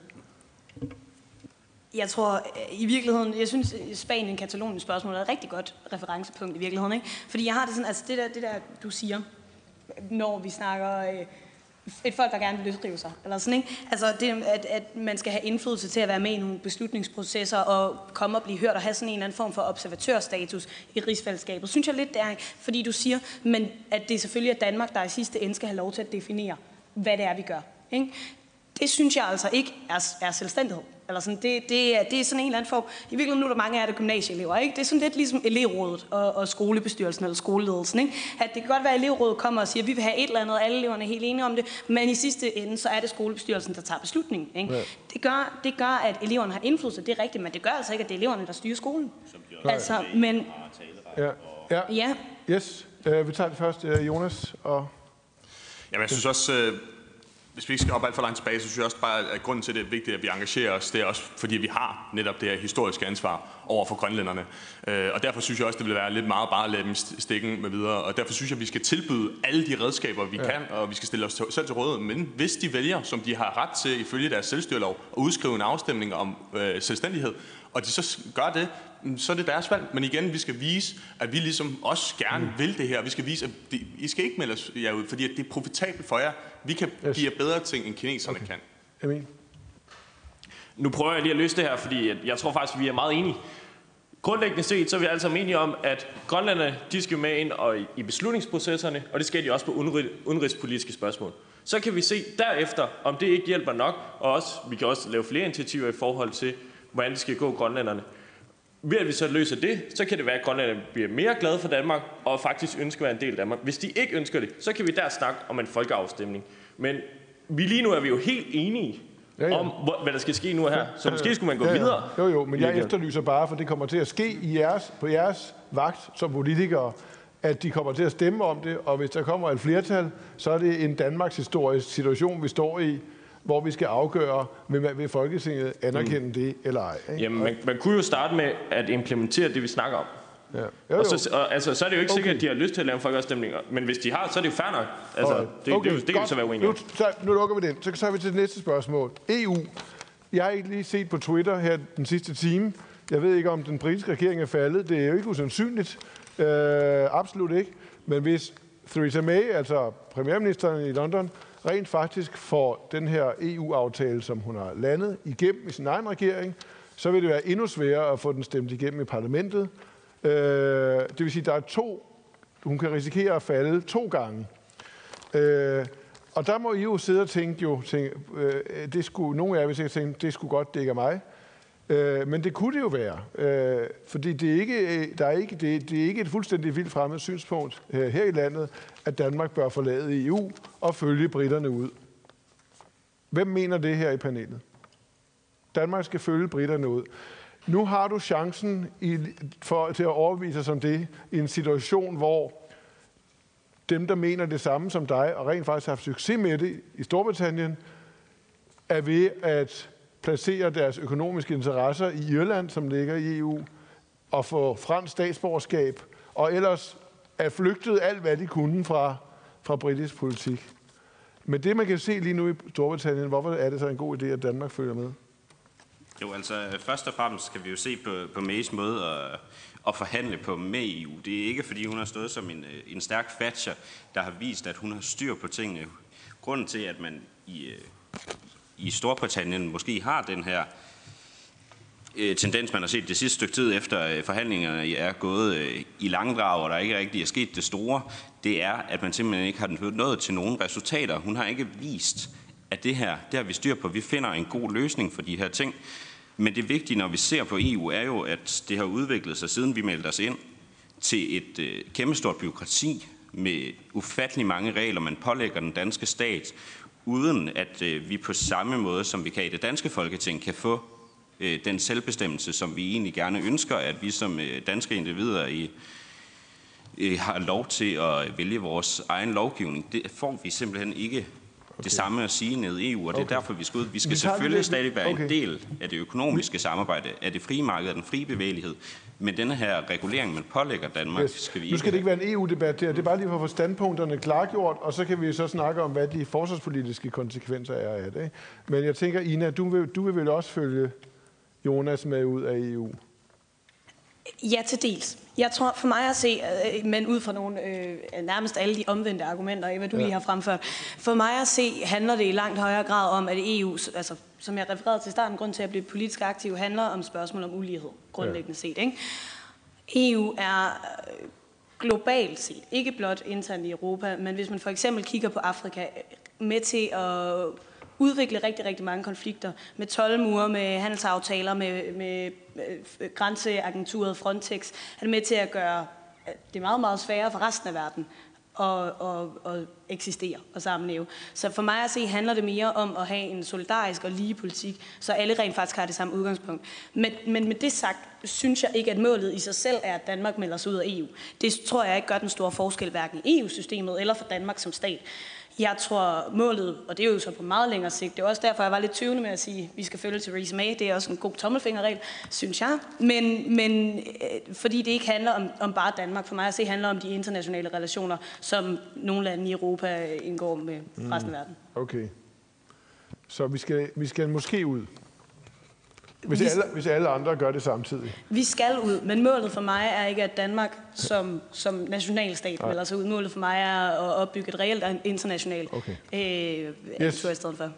Ja, det er sjovt, hvad du tænker om det, øh, fordi det er så uklart, hvad dit moderparti egentlig mener om det. Så ja. det kan være, at du kan kaste lys over det. Christian? Ganske kort handler det om flere forbehold, mindre magt til EU, og så skal vi styrke øh, det regionale samarbejde, fordi det er nu engang der, vi er stærkest. Det er nu engang der, hvor det er, vi har opnået flest resultater. Det er nu engang der, hvor der er den største samhørighed. Og med det mener jeg klart, at vi skal styrke en institution som for eksempel Nordisk Råd, som har bevist, at den kan det samme som EU. Fri bevægelighed har vi den nordiske pasunion. Vi har øh, miljømærkninger på, øh, øh, nej, undskyld, vi har øh, mærkningsordninger i forhold til miljø, vi har øh, sprogkonventioner, vi har en masse ting, som EU også bryster sig af, også et forsvarssamarbejde, som desuden fungerer ganske fint, uden at det har overslag i samarbejde okay. at høre. Så, vi skal, så, så en masse forbehold i virkeligheden, øh, vi skal, vi skal ikke det, ud. Det er i hvert fald et rigtig godt okay. sted at starte. Alright. Hvad, hvad, hvad er de sikkerhedspolitiske og forsvarspolitiske konsekvenser af den EU-diskussion, som vi kommer til at have i det næste år? Ja. Jamen, for mig at se, så øh, den, den største frygt, jeg har, og nu ved jeg godt, at vi ikke må tale om Trump, men jeg synes også, at han skal med i den her snak også, det er, at vi ser et Vesten, der stille og roligt er ved at glide fra hinanden. Og det er, at mens vi får flere og flere fjender i verden, mens kineserne er ved at kolonisere Afrika, mens russerne de spiller med musklerne, så formår vi ikke at stå sammen. Der er nogen i det her panel, der givetvis vil argumentere for, at vejen frem, det er en EU her. Det tror jeg ikke på, fordi det vil betyde, at vi reelt set ikke som lande længere kan vælge, hvorvidt vi vil deltage i krige eller ej. Det er den forkerte vej at gå, fordi det tror jeg vil skubbe til langt flere, der ønsker at gå den samme vej som Theresa May, nemlig ved at forlade EU. Min frygt, det er, at vi bliver generationen, der oplever Vesten, der kollapser. Så vi skal stå sammen med USA, vi skal også stå sammen med britterne, vi skal styrke NATO, og vi skal investere i NATO. Fordi det er for mig at se den eneste måde, vi kan sikre, at vores børn får den samme frihed, som vi er så heldige at leve i en verden, der har. Mm. Frederik? Men det, der er udfordringen, er, at hvad er det, vi skal stå sammen om? Det er jo det, man kan blive meget i tvivl om, når man ser på, på udviklingen. Vi har jo ikke de samme udenrigs- og sikkerhedspolitiske interesser i Europa. Åbenlyst. Vi var inde på energispørgsmålet før. Tyskerne er dybt afhængige af russisk gas. Øh, man har et Østeuropa, som er ved at skide i bukserne over øh, den russiske offensiv. Øh, og så har man øh, nogle øh, tvivlsomme lande i Sydeuropa, som øh, er jo begyndt at argumentere for, at man måske skal rulle russiske øh, sanktioner øh, tilbage. Og så har vi derudover en situation, hvor russerne gennemfører øh, snimor øh, på øh, journalister og kritikere i europæiske lande. Altså, det, kan blive, det er meget svært at se, hvilke, hvilke dagsordner vi på det udenrigs- og sikkerhedspolitiske område skal stå sammen om, når de enkelte nationalstater i Europa er så sovset ind i forskellige egne interesser på energi, på arbejdsmarkedet. Fri bevægelighed er jo et andet øh, spørgsmål. Så jeg tror faktisk, jeg er ikke enig i, øh, i Christians øh, forslag om, at Nordisk Råd er vejen frem. Men jeg tror faktisk på, at der er en pointe Martin Krasnik, du var inde på det her med, at du mener, at værdier det er blevet meget moderne. Det tror jeg, der er en pointe i. Altså jeg tror, at vi bliver nødt til at søge sammen Danmark i højere grad med de andre skandinaviske lande og nordeuropæiske lande, som har det samme værdisæt, den samme kultur, det samme velfærdssystem, den samme tilgang til offentlige udgifter osv. Og så må vi prøve ved siden af det europæiske samarbejde, selvom vi er i det, at søge en meget, meget stærkere indflydelse. Hvis man for eksempel tager de skandinaviske lande og fik en eller anden form for ikke federal overbygning, men noget, der hænder i løbet af et par årtier, vi vil have økonomiske muskler nok til at være med i G20. Øh, lige pludselig vil den nordiske velfærdsmodel kunne spille ind der, og jeg tror, Danmark er så lille et land, mm at i takt med udviklingsøkonomierne bare eksploderer derud af, så er vi nødt til at stå sammen med nogen, der minder om os selv. Altså en federation af nordiske lande? Jeg tror faktisk, det er et, et okay bud på lang sigt. Under den danske konge, det, det, kan, det vil konservative faktisk støtte. Ikke? Så er vi jo faktisk tilbage. Ja, undskyld, så er vi tilbage i noget, noget, noget, noget, noget seriøst Dan- Danmarks historie. Jo, jo. Men altså, jeg er jo heller ikke imod, at vi har et nordisk samarbejde, og jeg synes, det er ganske godt, hvis vi får et tættere samarbejde i Norden. Men jeg bliver nødt til at anfægte det her med, at vi ikke har fælles interesser, og vi ikke har fælles værdier. Hvis man ser på Vesten, vi er det eneste sted i verden, hvor man for alvor har det projekt, der handler om frihed, der handler om demokrati, der handler om alle de værdier, som vi rent faktisk har til fælles. Og hvis vi ikke står sammen også med sydeuropæerne, også med amerikanerne. Og hvis vi ikke er klar til at kæmpe for de værdier ude i verden, og sørge for, at den dagsorden bliver skubbet frem, så vil der være større magter, der vil skubbe deres dagsorden frem, og så kommer vi til at tabe. Og hvis vi kun står sammen med Norden, så selvom vi kommer i G20, så er vi altså bare ikke stærke nok til at sætte den dagsorden. Og hvis flere og flere lande falder den forkerte vej i forhold til at bakke Vesten op, så betyder det også, at på sigt, så, så slipper vi op med lande, der vil den samme vej som os. Vi kan godt sige, at vi er ligeglade med Ukraine. Vi kan godt sige, at vi er ligeglade med Baltikum. Men på et eller andet tidspunkt, så er den russiske bjørn færdig med at spise dem, og så kommer den efter os. Sådan. Jonas? Værsgo. Det er jo, du tilhører det eneste rigtige EU, øh, altså rigtig el, elskelige parti. Jeg tror også, at Alternativets unge vil være, også tilhører på den fløj efterhånden. Øh, ja, men man kan sige, for mig at se, så handler det om den evige diskussion om formel og uformel, øh, hvad skal man sige, øh, suverænitet. Det, hvis I skal have om international politik, så har jeg måske hørt om det. Men det er det her, der er også blevet nævnt tidligere, hvis vi melder os ud af EU, jamen så, øh, så, så har vi absolut ingen indflydelse på, hvad der foregår inden for EU's rammer, og vi har ikke nogen indflydelse på, øh, altså så kan amerikanerne troppe op, og vi har en dårligere forhandlingsposition over for dem derved. Til gengæld så er det rigtigt, så har vi mere ret over vores egen lille øh, suveræn nationalstat her, og de lovgivninger, der, øh, der ligesom, det, det der sker herinde øh, under. Men med at være med i EU, så er det jo der, hvor vi sikrer det, man kalder uformel suverænitet over for vores, de andre medlemslande. Og det er også derved, øh, som det også blev sagt tidligere, at vi kan stå sammen, når amerikanerne kommer med nogle krav til os, og sige, at så tropper vi op 27 lande, i stedet for bare at stå alene 5,5 millioner indbyggere. Øhm, diskussionen her går også noget på det her med, skal vi have et fælles forsvar i EU? Og jeg er ikke så stor fan af, at vi skal have sådan en aktionsstyrke, som EU kan sende ud i, til Afrika og hvad ved jeg. Men jeg er stor fan af et fælles, øh, hvad skal man sige, ja, defensiv her. For det tror jeg alligevel er noget, vi alle sammen kan blive enige om i EU. Det er, at vi gerne vil forsvare unionen. Altså, der er, altså vi vil gerne forsvare de medlemslande, der er med. Okay, så det, øh, du rejser så et meget konkret spørgsmål, som jeg vil tro, at hvis jeg er lidt hurtige og kommer i Folketinget i løbet af en 5-10 år, så er det nok et spørgsmål, I skal tage stilling til, nemlig forsvarsforbeholdet. Det, det er ikke noget, der kommer til, til folkeafstemningen lige med det samme, selvom folketingspolitikerne taler om det. Øh, skal vi smide forsvarsforbeholdet? Altså, Dansk Folkeparti markerer hurtigt der. Klart nej. Men hvorfor, hvorfor, meget konkret. Men hvorfor, du har hørt eksperterne fortælle, at NATO kan vi ikke regne med, amerikanerne kan vi ikke regne med. Det er så lidt afhængigt af, hvilke eksperter det er. Men øh, jeg tror så også, at grunden til, at vi har tvivl om NATO, grunden til, at vi har tvivl om USA, er også fordi, at vi netop har gjort og givet dem en grund til at tvivle på os. Vi har, lever ikke op til vores aftaler med USA. Okay, vi. Så, men så, så, så vi skal, hvis vi skal satse på noget, så er det ikke EU-militær, men fortsat NATO? Det er et styrket øh, NATO-samarbejde, og det er et fortsat øh, NATO-samarbejde, ja. Emil? Vi skal generelt tænke langt væk fra NATO. Vi skal begynde at tænke på nogle andre alliancer, og her kan blandt andet et, et EU-samarbejde være løsning. Så ja, selvfølgelig skal vi have fjernet det militære forbehold, og så skal vi have sat nogle instanser i gang, der gør, at det faktisk kan blive en, en vej løsning. Ja. Når man faktisk ser på, hvis man specialiserede det, og sørgede for, at man købte det samme isenkram, så kunne man have den samme her, som vi har i dag, for 30 procent billigere. Er der altså rapporter, der viser fra McKinsey. Det vidner lidt om, hvor skod en her, vi har i Europa sammen. Yes, lad os tage Socialdemokratiet og Venstre. Øh, hvad, hvordan forholder I jer til, til begge partiers naturlige samarbejdspartnere i Dansk Folkeparti? Vi skal ikke af med EU-forbeholdet. Jeg synes, vi skal af med, jeg synes, vi skal af med EU-forbeholdet. Jeg tror ikke på, at der kommer en fælles EU her på et tidspunkt, men dem, der vil gå sammen om at etablere et eller andet form for, øh, for fælles militær en situation, hvor, øh, hvor vi selv er med til at udhule NATO, fordi vi ikke gider betale for noget som helst, der synes jeg, det er, det er udmærket.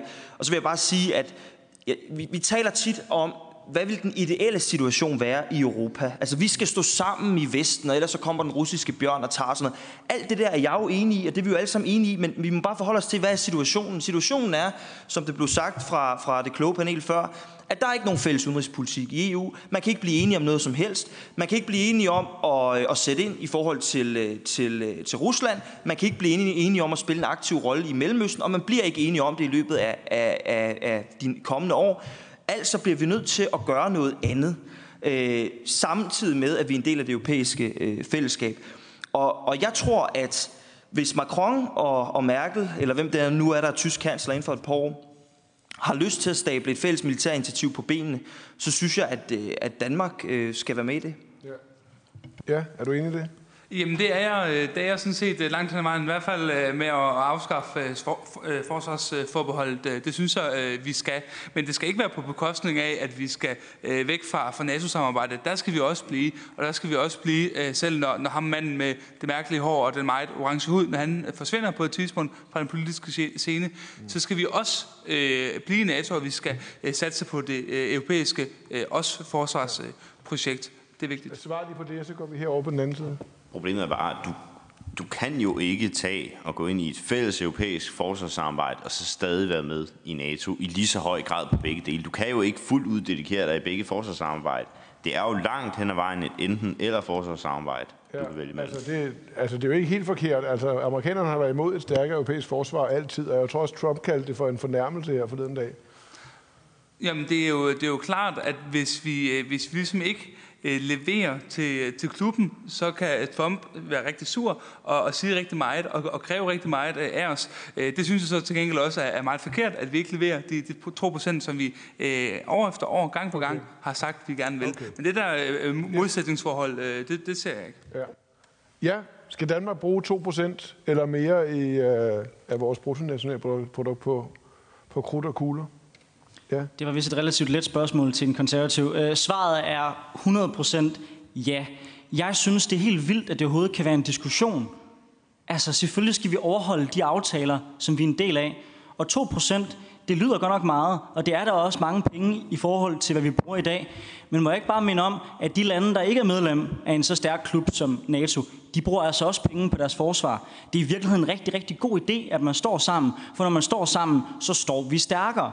Og selvfølgelig skal vi leve op til de krav, vi har sammen med vores allierede. Det er fuldstændig afgørende. Og jeg kan godt forstå, at USA kigger lidt på Europa og siger, hvad vil I overhovedet være med? Hvorfor er det, at det er amerikanerne, der skal betale regningen for jeres sikkerhed? Lad os nu vågne op. Vi bliver nødt til at tage et ansvar. Ja, Jonas? Jamen, jeg, jeg tror ikke, jeg er så, øh, så stålsat på tallet i den her diskussion. Jeg er stålsat på, at vi har et forsvar, der kan de ting, som det skal kunne, og det er sådan set at holde den røde linje indtil vi får støtte fra vores NATO-allierede. For vi kunne bruge 100% af BNP på forsvar. Det vil være fuldstændig lige meget, fordi russerne kan stadig rulle os. Det, det, vi skal kunne med vores forsvar, det er at holde linjen i Baltikum til, at vi får ja, styrker fra lande, der faktisk har hvad skal man sige, kapaciteten til at stå imod det, øh, Anders kalder den russiske bjørn. Øhm, I forhold til de 2%, bare sådan en lille ting øh, i forhold til, at man taler hele tiden om det som et krav som om det er et medlemskontingent. Og der må jeg bare slå fast, det er det ikke. Det er en målsætning. Det er rigtigt, at vi i 2014 har sagt, øh, sagt at vi vil bestræbe os på at nå de 2%. Men jeg kan godt love jer for, at de europæiske statsledere havde ikke skrevet under på det dokument, hvis de vidste, at Donald Trump siden han blev valgt som præsident, vil rive, øh, ride den, øh, hvad skal man sige, den aftale så stringid, som han gjorde, så er det ikke skrevet under på den. Så det er altså ikke et medlemskontingent, det er ikke et krav, det står ikke i Atlanttraktaten, det kan man altså Ja, det er bare lige for, sådan, at vi får tingene på plads. Okay, men spørgsmålet var også mere, om vi skal bruge markant flere penge. Ikke markant flere, men jeg mener faktisk, ja. vi skal bruge flere. Ja, Jonas? Jo, jeg synes egentlig, øh, det er ganske simpelt. Selvfølgelig skal vi bruge øh, flere penge på det danske forsvar. Kun gennem et, øh, dansk forsvar, et stærkt forsvar kan vi sikre borgernes frihed, og et svagt forsvar inviterer egentlig kun til aggression. Og jeg synes egentlig, at den her øh, når man snakker om Trump, så bliver han hurtigt sådan en, en farlig mand, og han lyder næsten som, øh, som Putin, når man hører øh, forskellige partier snakke om ham, når man hører om ham i medierne, så lyder han jo som en mand, der ved at starte øh, 3. verdenskrig. Øh, normalt er jeg ikke stor fan af Trump, må jeg sige, øh, men han har jo været med til at skabe, i hvert fald starte en fredsproces i Korea, og, og på baggrund af det føler jeg ikke rigtigt, at man kan sige, at han er manden, der kommer til at, at starte 3. verdenskrig. Måske øh, tværtimod kommer han til at skabe lidt mere fred. Og jeg synes, det er helt naturligt, at vi i Danmark skal stå stærkere i NATO, at vi skal bruge de her 2 procent, ja, okay. fordi de er altså sammen med NATO, at Alright. vi har været okay. med til at vælte yes. Sovjetunionen. Ina? Ja, jeg tror, så tydeligt som konservativ ungdom kan sige ja til 2%, kan jeg sige nej til 2%. For mig at se, altså, det, det er ret faktuelt meget, meget dyrere at føre krig, end det er at, at forebygge krig. Jeg foreslår i stedet for, at vi skal bruge, jeg ved ikke hvor mange milliarder kroner, nu var estimatet 15 milliarder eller sådan noget, der bliver sagt før, det ville koste at komme op på de 2 procent, at, at så hæver man vores ulandsbistand. At man reelt øh, bruger udviklingsbistanden i udviklingslande og ikke i Danmark øh, til at have, køre dansk flygtningelejre. Fordi hvis man kigger globalt på det, så er en af de største sikkerheds sikkerhedstrusler, altså vi kan snakke nok så meget om, den russiske bjørn kommer og alt det der, ikke nu hørte vi før fra herrens officerskole, så en Sjøgren, der siger, at det er faktisk ikke realistisk, eller sådan ikke. Det synes jeg lige, vi skal bide, bide mærke. Til gengæld, hvad vi ved, der kommer til at ske, er massive klimaforandringer. Det vi ved, der kommer til at ske, er de klimaforandringer, de medfører enorme flygtningestrømme. Det er da en sikkerhedstrussel. Ikke? Mod os, øh, men da i allerhøjeste grad mod de lande, hvor klimaudfordringerne okay. kommer til at ramme højst. Nu her alle sammen, så gør det lidt lynkort, for så skal vi have nogle spørgsmål til jer. Vi starter med dig, Anders. Altså hvis russerne de rykker ind i Baltikum, så er, så er vi altså i krig med russerne. Så kan det godt være, at der ikke kommer til at stå soldater på dansk jord lige forløbig, men det er altså stadigvæk os, der er i krig med Rusland. Og jeg vil altså også sige, jeg tror du misforstår, der er altså ikke nogen her, som gerne vil i krig. Det er ikke det, det handler om. Det handler om, at den bedste forsikring mod, at vi kommer i krig, det er at virke afskrækkende over for den mand, der sidder i Kreml, som er tidligere KGB-agent, og som har en plan. Det har han udtrykt, det er, at han vil generobre det tabte territorium. Ja, Frederik. Men jeg synes også, at vi bliver nødt til at bruge flere penge på vores forsvar, ikke mindst til vores territorialforsvar. Altså lige nu har vi en slædehund, øh, øh, eller en slæde med, med et par hunde foran kørende op og beskytte vores suverænitet, eller hæve vores suverænitet op i Arktis. Det går ikke. Vi, vi bliver nødt til at kunne, kunne hæve vores, vores suverænitet. Det er det ene. Det andet er, jeg synes ikke, man skal stikke folk blå i øjnene. Altså, grunden til, at de europæiske lande ikke ender på de der 2%, og ikke, altså, og ikke har været der, det er jo, at befolkningerne dybest set vil det samme. Altså, de, de vil gerne have god velfærd, og de vil gerne have, at skatterne bliver holdt i ro. Og de to ønsker er meget svært forenligt med galopperende forsvarsbudgetter. Og derfor så synes jeg ikke, man skal stikke folk blå i øjnene. Jeg tror ikke, vi når de der 2%, fordi det kræver, at vi hæver skatterne eller skærer på velfærdsstaterne, og det vil de europæiske befolkninger ikke være med til. Jeg var egentlig ret stor fan af ham, der snakkede om uh, alternativ bogføring. Altså fordi klimakrisen er jo den største sikkerhedstrussel. Det er også den, der forværrer rigtig mange af de kriser, vi ser i dag. Der har jo for eksempel været rapporter, der siger, at en stor del af, at det er eskaleret, som det har i Syrien, det er klimaforandringer. Og man har også set, at Pentagon har lavet en rapport, der viser, at en stor del af, af den amerikanske forsvar i fremtiden, det er at rykke ud til humanitære katastrofer.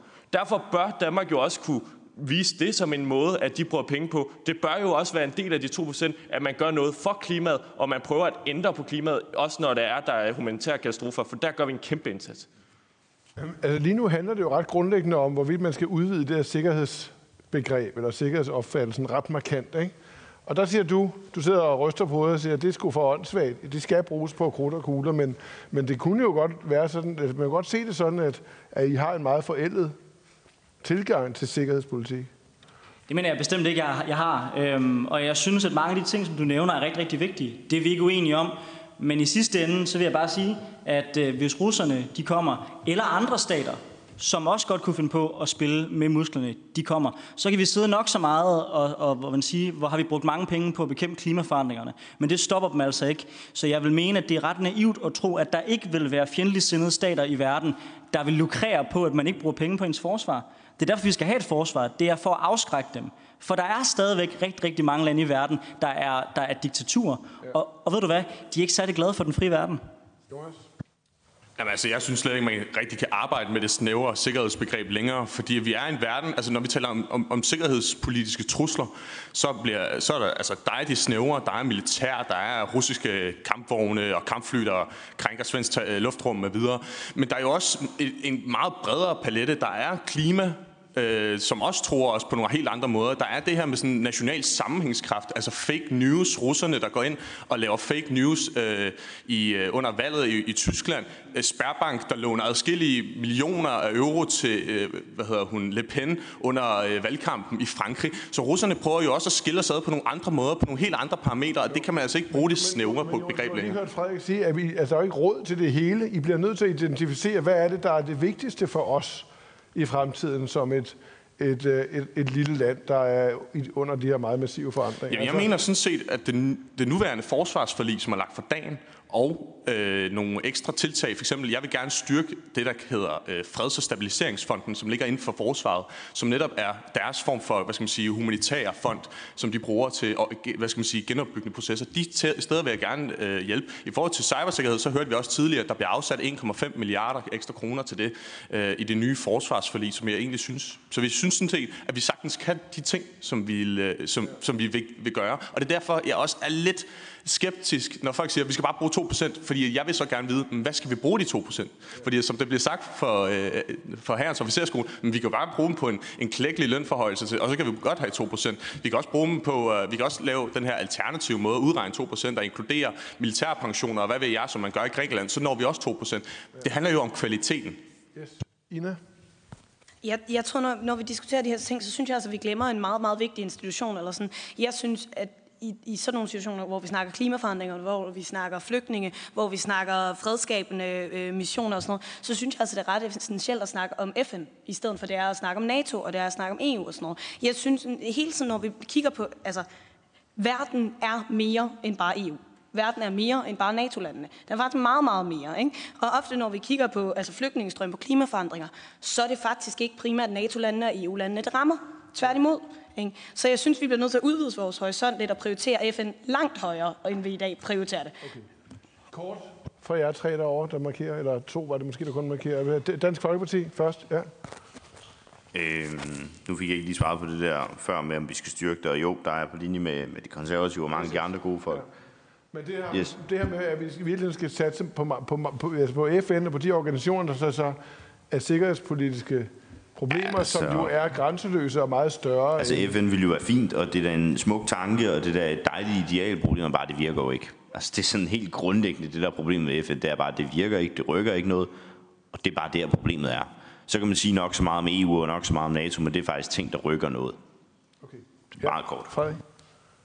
Jeg synes også, altså vi har et meget, meget brudt sikkerhedspolitisk øh, øh, billede, og klima og, og flygtningestrøm spiller ind, og det skal vi bruge langt flere ressourcer på. Jeg synes bare, man skal passe på med at blande det sammen, for så bliver det til enhver tid siddende regeringsdefinition af, hvilken del af den sikkerhedspolitiske pakke, øh, der skal prioriteres, som kommer til at definere det. Og det, og det sidste, jeg vil sige i, i den her runde, er bare, at noget af det, der kan over mig øh, på vegne af min egen generation, øh, over for øh, min forældres generation, repræsenteret ved, ved, ved mænd her, det er det her med, at vi jo vi har ikke i det her land en grundlæggende diskussion af, hvad er det egentlig for en langsigtet politik, vi skal lægge? Hvad er det for et sikkerhedstrusselsbillede, der er om 20 år? Altså ved det forrige forsvarsforlig, der skar man 2,5 milliarder på forsvaret. Det var under Torning-regeringen, mit eget parti, regeringsperiode. I det nuværende forsvarsforlig går man i den stik modsatte retning og opgraderer totalt på det. Altså det er de kortsigtede politiske vinde, der blæser i tusind forskellige retninger, og det betyder bare, at vores generation ikke aner, hvad det er, vi står overfor om 20 år. Vi har ikke noget politisk system, der adresserer de udfordringer på nogen som helst måde. Vi diskuterer det ikke. Det er ikke i spil nogen steder, og det synes jeg virkelig er et problem. Okay. Vi lader lige uh, hvile et øjeblik, og så skal jeg lige spørge jer tre, der sidder tålmodigt og lytter. I, det, jeres, jeres budskab var før, øh, at, at det, altså, I efterlyste egentlig det samme som Frederik. Hvad, hvad er det, hvor skal Danmark stå henne? Hvad, er det, hvad, hvad, hvad skal være vores rolle i verden grundlæggende være? Det er de, det er de beslutninger, øh, i, eller pejlemærker, I efterlyser. Hvordan lyder det at, at høre til ungdomspolitikerne her, Søren? Øh, giver, det me, giver sådan en diskussion mening, når man tænker på, at det er dem, der kommer til at bestemme om i morgen? Der er noget at diskutere. Ja. Og øh, bare det, at nu har vi den her, FN virker ikke, øhm, men vi er samlet. Landene er samlet. Man diskuterer faktisk noget. Man mødes faktisk. Og når vi taler om, hvad det, vi har i fælles værdier, vi mødes faktisk. Og når jeg cykler hjem lige om lidt, så er der ikke vejsidebomber på vejen, og der er ikke ulovlige checkpoints. Så, så, så vi har en masse ting, der fungerer rigtig godt, som vi måske er blinde for. Så vi starter vel, vi, vi må starte med at tale sammen. Og hvis vi så, øh, hvis der så sidder en helt ungdomspolitiker, der er enige om, at forsvars, altså sikkerhedspolitik, det er ikke noget, der foregår på fireårig basis, men det er noget, der foregår på rigtig lang stræk, så er vi også noget rigtig langt. Så er der en masse ting, vi er enige om. Så kan det være, at vi er uenige om prioriteterne. Øhm, men, men det er noget helt andet. Mm. Og øh, i øvrigt, hvis vi kan lave vores ting 30% billigere i vores skod her, så vil jeg gerne... Øh, det, det vil jeg gerne høre noget om. Det lyder ja. enormt, øh, enormt ja. spændende. Hvad, hvad siger I? Ja. Øhm, jamen, jeg synes, det, det, det vigtige er jo, at vi, der sidder en række ungdomspolitikere, som har holdninger til det, som debatterer, som, som, som erkender, at det her det er et vigtigt emne, og, det, og der, derved er, er det jo et øh, væsentligt skridt, fordi altså, i samfundsdebatten herhjemme, ellers så er det jo velfærd, velfærd og velfærd, og hvad kan vi bruge penge på? Men altså at få, få fat i de her grundlæggende problemstillinger, og, og tage den der demokratiske samtale og debat, og vi har forskellige synspunkter og holdninger, og så får vi drøftet sammen, og vi får da også drøftet det i øvrigt med, med Grønlanderne og Færøerne, som jeg synes er ekstremt vigtigt, at, at det ikke bare er noget, som det har vi patent på, og det tager vi os af, og så kan I passe det der interne. At, at vi tager dem alvorligt i, i, i de her ting, øh, og også taler med borgerne om at sige, at det her det er et rigsfællesskab, og man burde en gang imellem tage op og besøge de der steder, eller lære lidt mere om dem, fordi det er ekstremt vigtigt. Så, så det synes jeg, det er positivt. Yes. Philip? Ja, jamen det er igen helt sikkert positivt, at, at vi har den her debat. Øh, lige som opfølgende på Søren, det Søren siger, altså FN virker i det omfang, at folk stadig tager sig den ulejlighed at prøve at løbe om hjørner med dem. At man tager sig tid til at, at hæmme systemet, det er sådan set et tegn på, at det virker, fordi så er man i det mindste ikke begyndt at rulle kampvognen ind over grænsen. Øh, jeg savner lidt fra flere, flere af de unge mennesker, der siger, at vi skal, vi skal tænke sikkerhedspolitik bredere, vi også skal tænke øh, klimaindsats ind i, i forsvarsbudgettet. Og det kan jeg da godt være enig i, øh, og det kan vi sagtens måske klappe os selv på ryggen i anden dam. Problemet er bare, øh, bestyrelsen i klubben siger, at I kan rende og hoppe. Så tager vi til Bruxelles og siger, jamen vi forebygger også klima. Ja, who cares? Reelt set er det budskabet er fra Bruxelles. Og i sidste ende, så er det jo det, der er afgørende. Hvad er NATO-kravene? Ja. Og NATO-kravene er, at jamen, det kan godt være, at I bruger vildt meget på at redde isbjørnene. Who cares? Ja. Og det kunne jeg da godt tænke mig at vide, hvordan, man, hvis, om, hvordan I vil stille jer for det. Fordi budskabet fra Bruxelles er, I kan glemme det. Ja. Ina? Altså, og det, og det er jo så der, det kommer til igen, at, at så må vi melde os ud. Eller sådan, hvis vi ikke kan føre, føre den politik, vi mener i Danmark, der er fordelagtig for både danskerne, men også hele verden, så må vi melde os ud. Jeg ser det ikke som det største, det største tab. Øh, og jeg synes aktivt, vi skal melde os ud af NATO ligegyldigt. Øhm, så jeg tror, for mig er det meget let at, at svare på. Men jeg synes også, at der er en, en pointe, det der med, jeg er sådan set ligeglad med, om det indgår i, i, i hvilket budget og hvilke procentsatser. På problemet, det er, at vi har et fuldstændig enormt stort problem med klimaudfordringerne. Ikke? Den der rapport, der blev offentliggjort for en måned siden, eller sådan noget, siger, at vi har 12 år til at løse, når der er ingen, der har et clue til, hvordan vi gør det. Ikke? Jeg er sådan set ligeglad, hvilken, hvilken budgetpost vi tager det på, men vi bliver nødt til at sætte det her klimaspørgsmål i højsædet og, og behandle det, fordi det kan godt være, at russerne har planlagt at komme om, om 15-20 år, men altså, som det går lige nu, så er vi sgu ikke engang sikre på, hvordan verden ser ud til den tid. Altså ikke, ikke geopolitisk, men rent miljø, altså klimamæssigt. Nå, men altså, selvfølgelig er der et overlap mellem den klimapolitik, vi fører, og den sikkerhedspolitiske situation. Men det, jeg i virkeligheden hører, det er mere en spareøvelse, hvor man, hvor man, man siger, så behøves vi ikke sørge for at give vores soldater noget ordentlig grej, fordi vi bruger en masse penge på at, på at beskytte klimaet. Og det er også en vigtig indsats, som jeg også synes, vi skal prioritere højt. Det gør bare ikke, at vi ikke behøves at fokusere på det forsvarspolitiske aspekt også. Og jeg bliver simpelthen også nødt til at anfægte det her med FN. FN er et rigtig, rigtig godt sted til at tale om tingene i verden. Det er jeg meget, meget enig i. Men det er altså naivt at tro, at verdens konflikter de bliver løst af FN, fordi FN det er der, hvor stormagterne reelt set kan blokere for det hele. Det var altså ikke FN, der stoppede Gaddafi, da han blev myrdet løs. Det var ikke FN, som sørgede for for alvor at få løst tingene i Jugoslavien. Det var det altså ikke. Det er når Vesten rykker ind, at der sker en forskel. Hvorfor? Fordi vi rent faktisk har nogle magtmidler, vi kan sætte bag vores ord, så vi sikrer, at det bliver gennemført. Derfor er det naivt at tro, at det samtaleforum, som FN er, at det er det, der kommer til at løse problemerne. For der er det der ingen historie, som viser. Er det ikke FN, der kommer og rydder op, når NATO har fucket det op i Libyen egentlig? Nej, det mener jeg ikke. Okay. Ja, Men Martin, må vi, må vi ikke lige hurtigt... Jo. Det var jo sådan set ja. FN, der gav et mandat til at gribe ind i Libyen. Ja. Bare der greb ind. Nej, men det er jo også, så er vi jo tilbage ved, at FN ikke har en her og kun udgør sig af, men det er stadig en FN-beslutning. Verdenssamfundet tager en samlet beslutning, og dermed virker FN. FN formålet har jo aldrig nogensinde været, at FN skulle være en samlet her. Det var det fra 1941 til 45, da man skulle okay. begynde men, men. Okay, godt. Den diskussion kører, kører vi ikke videre ved nu. Nu må I øh, sørge for få panelet på rette spor, havde jeg sagt. Der, I er fuldstændig fint på rette spor, men vi har de 10 minutter. Hvad har I på falderæbet? Af kommentarer, eller, eller hvad det er. Yes? Ja, værsgo. Altså, nu vil jeg bare gerne lige starte med at sige øh, til Socialdemokratiet derovre, du nævnte, at dem, der kører rundt, vores suverænitet på Grønland består af slæder med hunden foran. Altså, hvad var det sige? Det er jo Sirius-patruljen, der er en specialtrænet enhed på niveau med frømandskorpset. Og det er måske lidt bare at kalde dem slæder med hunden foran. Altså, det er jo altså, specialtrænet mænd, vi har deroppe. Øhm, der var bare en kommentar faktisk. Jeg havde et spørgsmål til, øh, jeg kan ikke huske, hvad du hed, der i midten. Ja, nej, nej, lige til højre der. Ja, ja. lige der. Ina. Ja, du siger, at du mener, at vi skal melde os ud af NATO nu, og du kan heller ikke lide EU. Der er du sådan bob, bob, bob. Men altså, hvad skal Danmark gøre? Vi, vi har jo tidligere hørt, at vi ikke rigtig kan gøre noget selv uden hjælp fra andre lande. Hvordan skal vi kunne gøre noget som helst, hvis vi melder os ud af alting? Altså, som jeg, har, altså, som jeg sagde tidligere, så synes jeg reelt, den vigtige lige i øjeblikket prioritering, man skal have, er FN. Hvis man kigger på FN's budget lige nu, ikke, så er det under 0,5 procent af, hvordan er det, at, at de fredsbevarende styrker, ej, det er jo formuleret forkert, samlet militærbudget i verden. Ikke? 0,5 procent af det er fredsbevarende styrker i FN. Det synes jeg er fuldstændig vanvittigt, når man kigger på, hvad det er for en verden, vi lever i nu. Også ud fra det argument, jeg har brugt før, som hedder, at det er meget, meget dyrere at føre krig, end det er at forhindre krig. Ikke?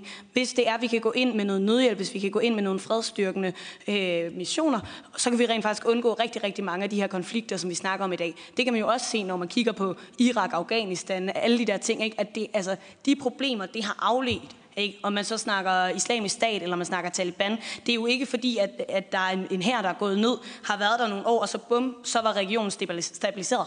Altså det, op, det, det afler jo nye problemer, når man fører krig. Det er jo ikke fordi, krig er løsningen, og så når soldaterne trækker sig væk, så er alt perfekt igen. Nå, det er bare, altså, øh, jeg, jeg mener sådan set ikke, at det var fire fyre nede fra bodegaen her på Gammel Strand, der sad på en eller anden hundeslæde og kontrollerede noget som helst. Altså, jeg er godt klar over, at det er specialtrænede styrker, men jeg synes bare, at det sprogbillede viser med al tydelighed, hvad problemet er, at indtil det sidste forsvarsforlig, så har vi fra, fra forsvarsforlig til forsvarsforlig skåret markant på vores territorialforsvar. Vi kan ikke hæve vores øh, su- suverænitet, hvad enten det er i luftrummet eller op på Arktis, og det synes jeg er et problem, og det er der heldigvis mange andre, der synes er et problem. Øh, og jeg synes, det der med hundesleden var bare en måde at illustrere det på. Øh, jeg ved godt, at de har en meget lang, lang fin uddannelse.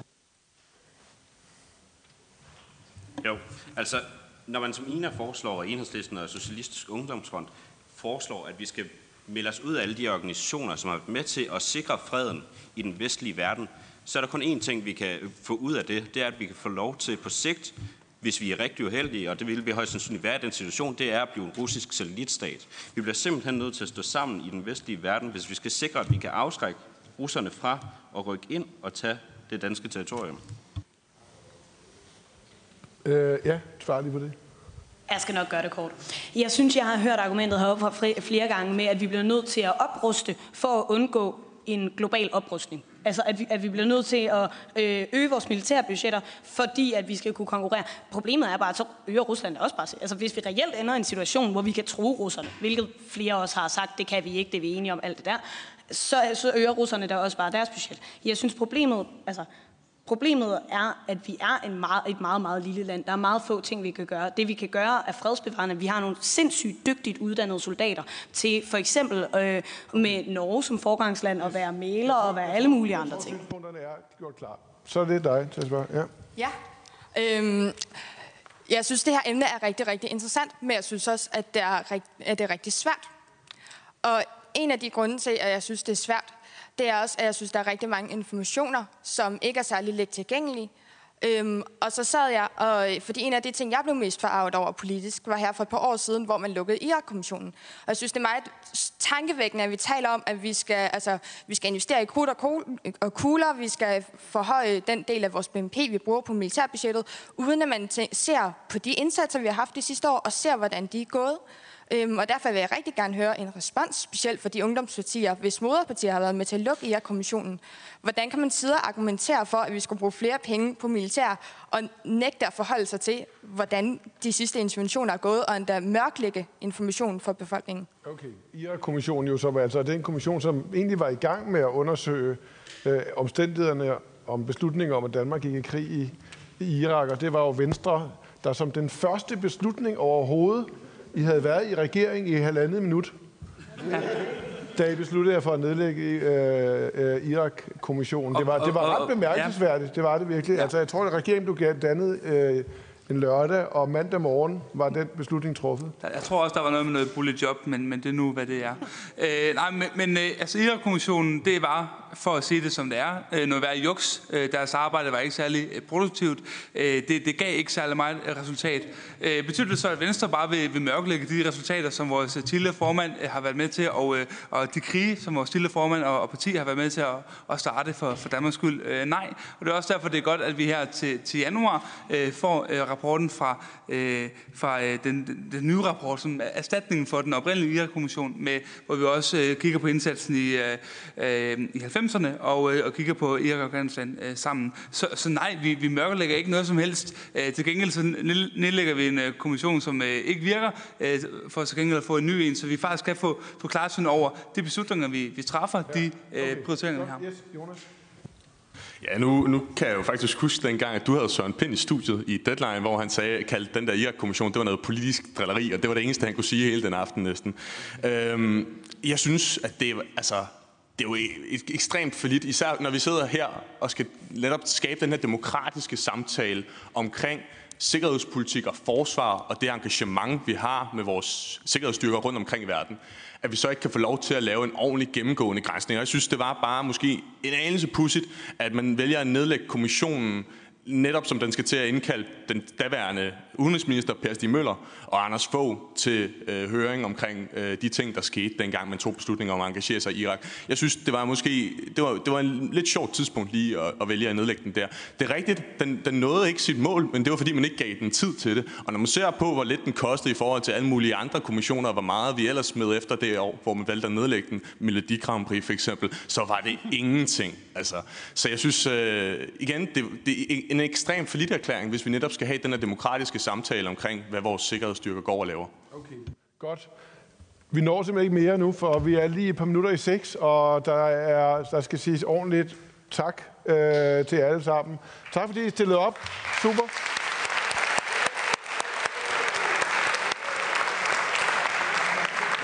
Ja. Værsgo. Jo, tak. sige uh, tak til ekspertpanelet og til ungdomspolitikerne og til dig, Martin Krasnik, for at øh, komme og hjælpe os med at holde i dag. Øh, vi håber, at det har skabt et forum, hvor der er kommet noget viden øh, og nogle holdninger på banen, som I kan tage med jer. Øh, det har været en kæmpe succes herfra, så det håber jeg også, at I har følt, det har været. Øh, så der er ikke andet at sige end bare endnu en gang øh, tak, fordi I er kommet øh, til alle sammen, og øh, I må have en god aften.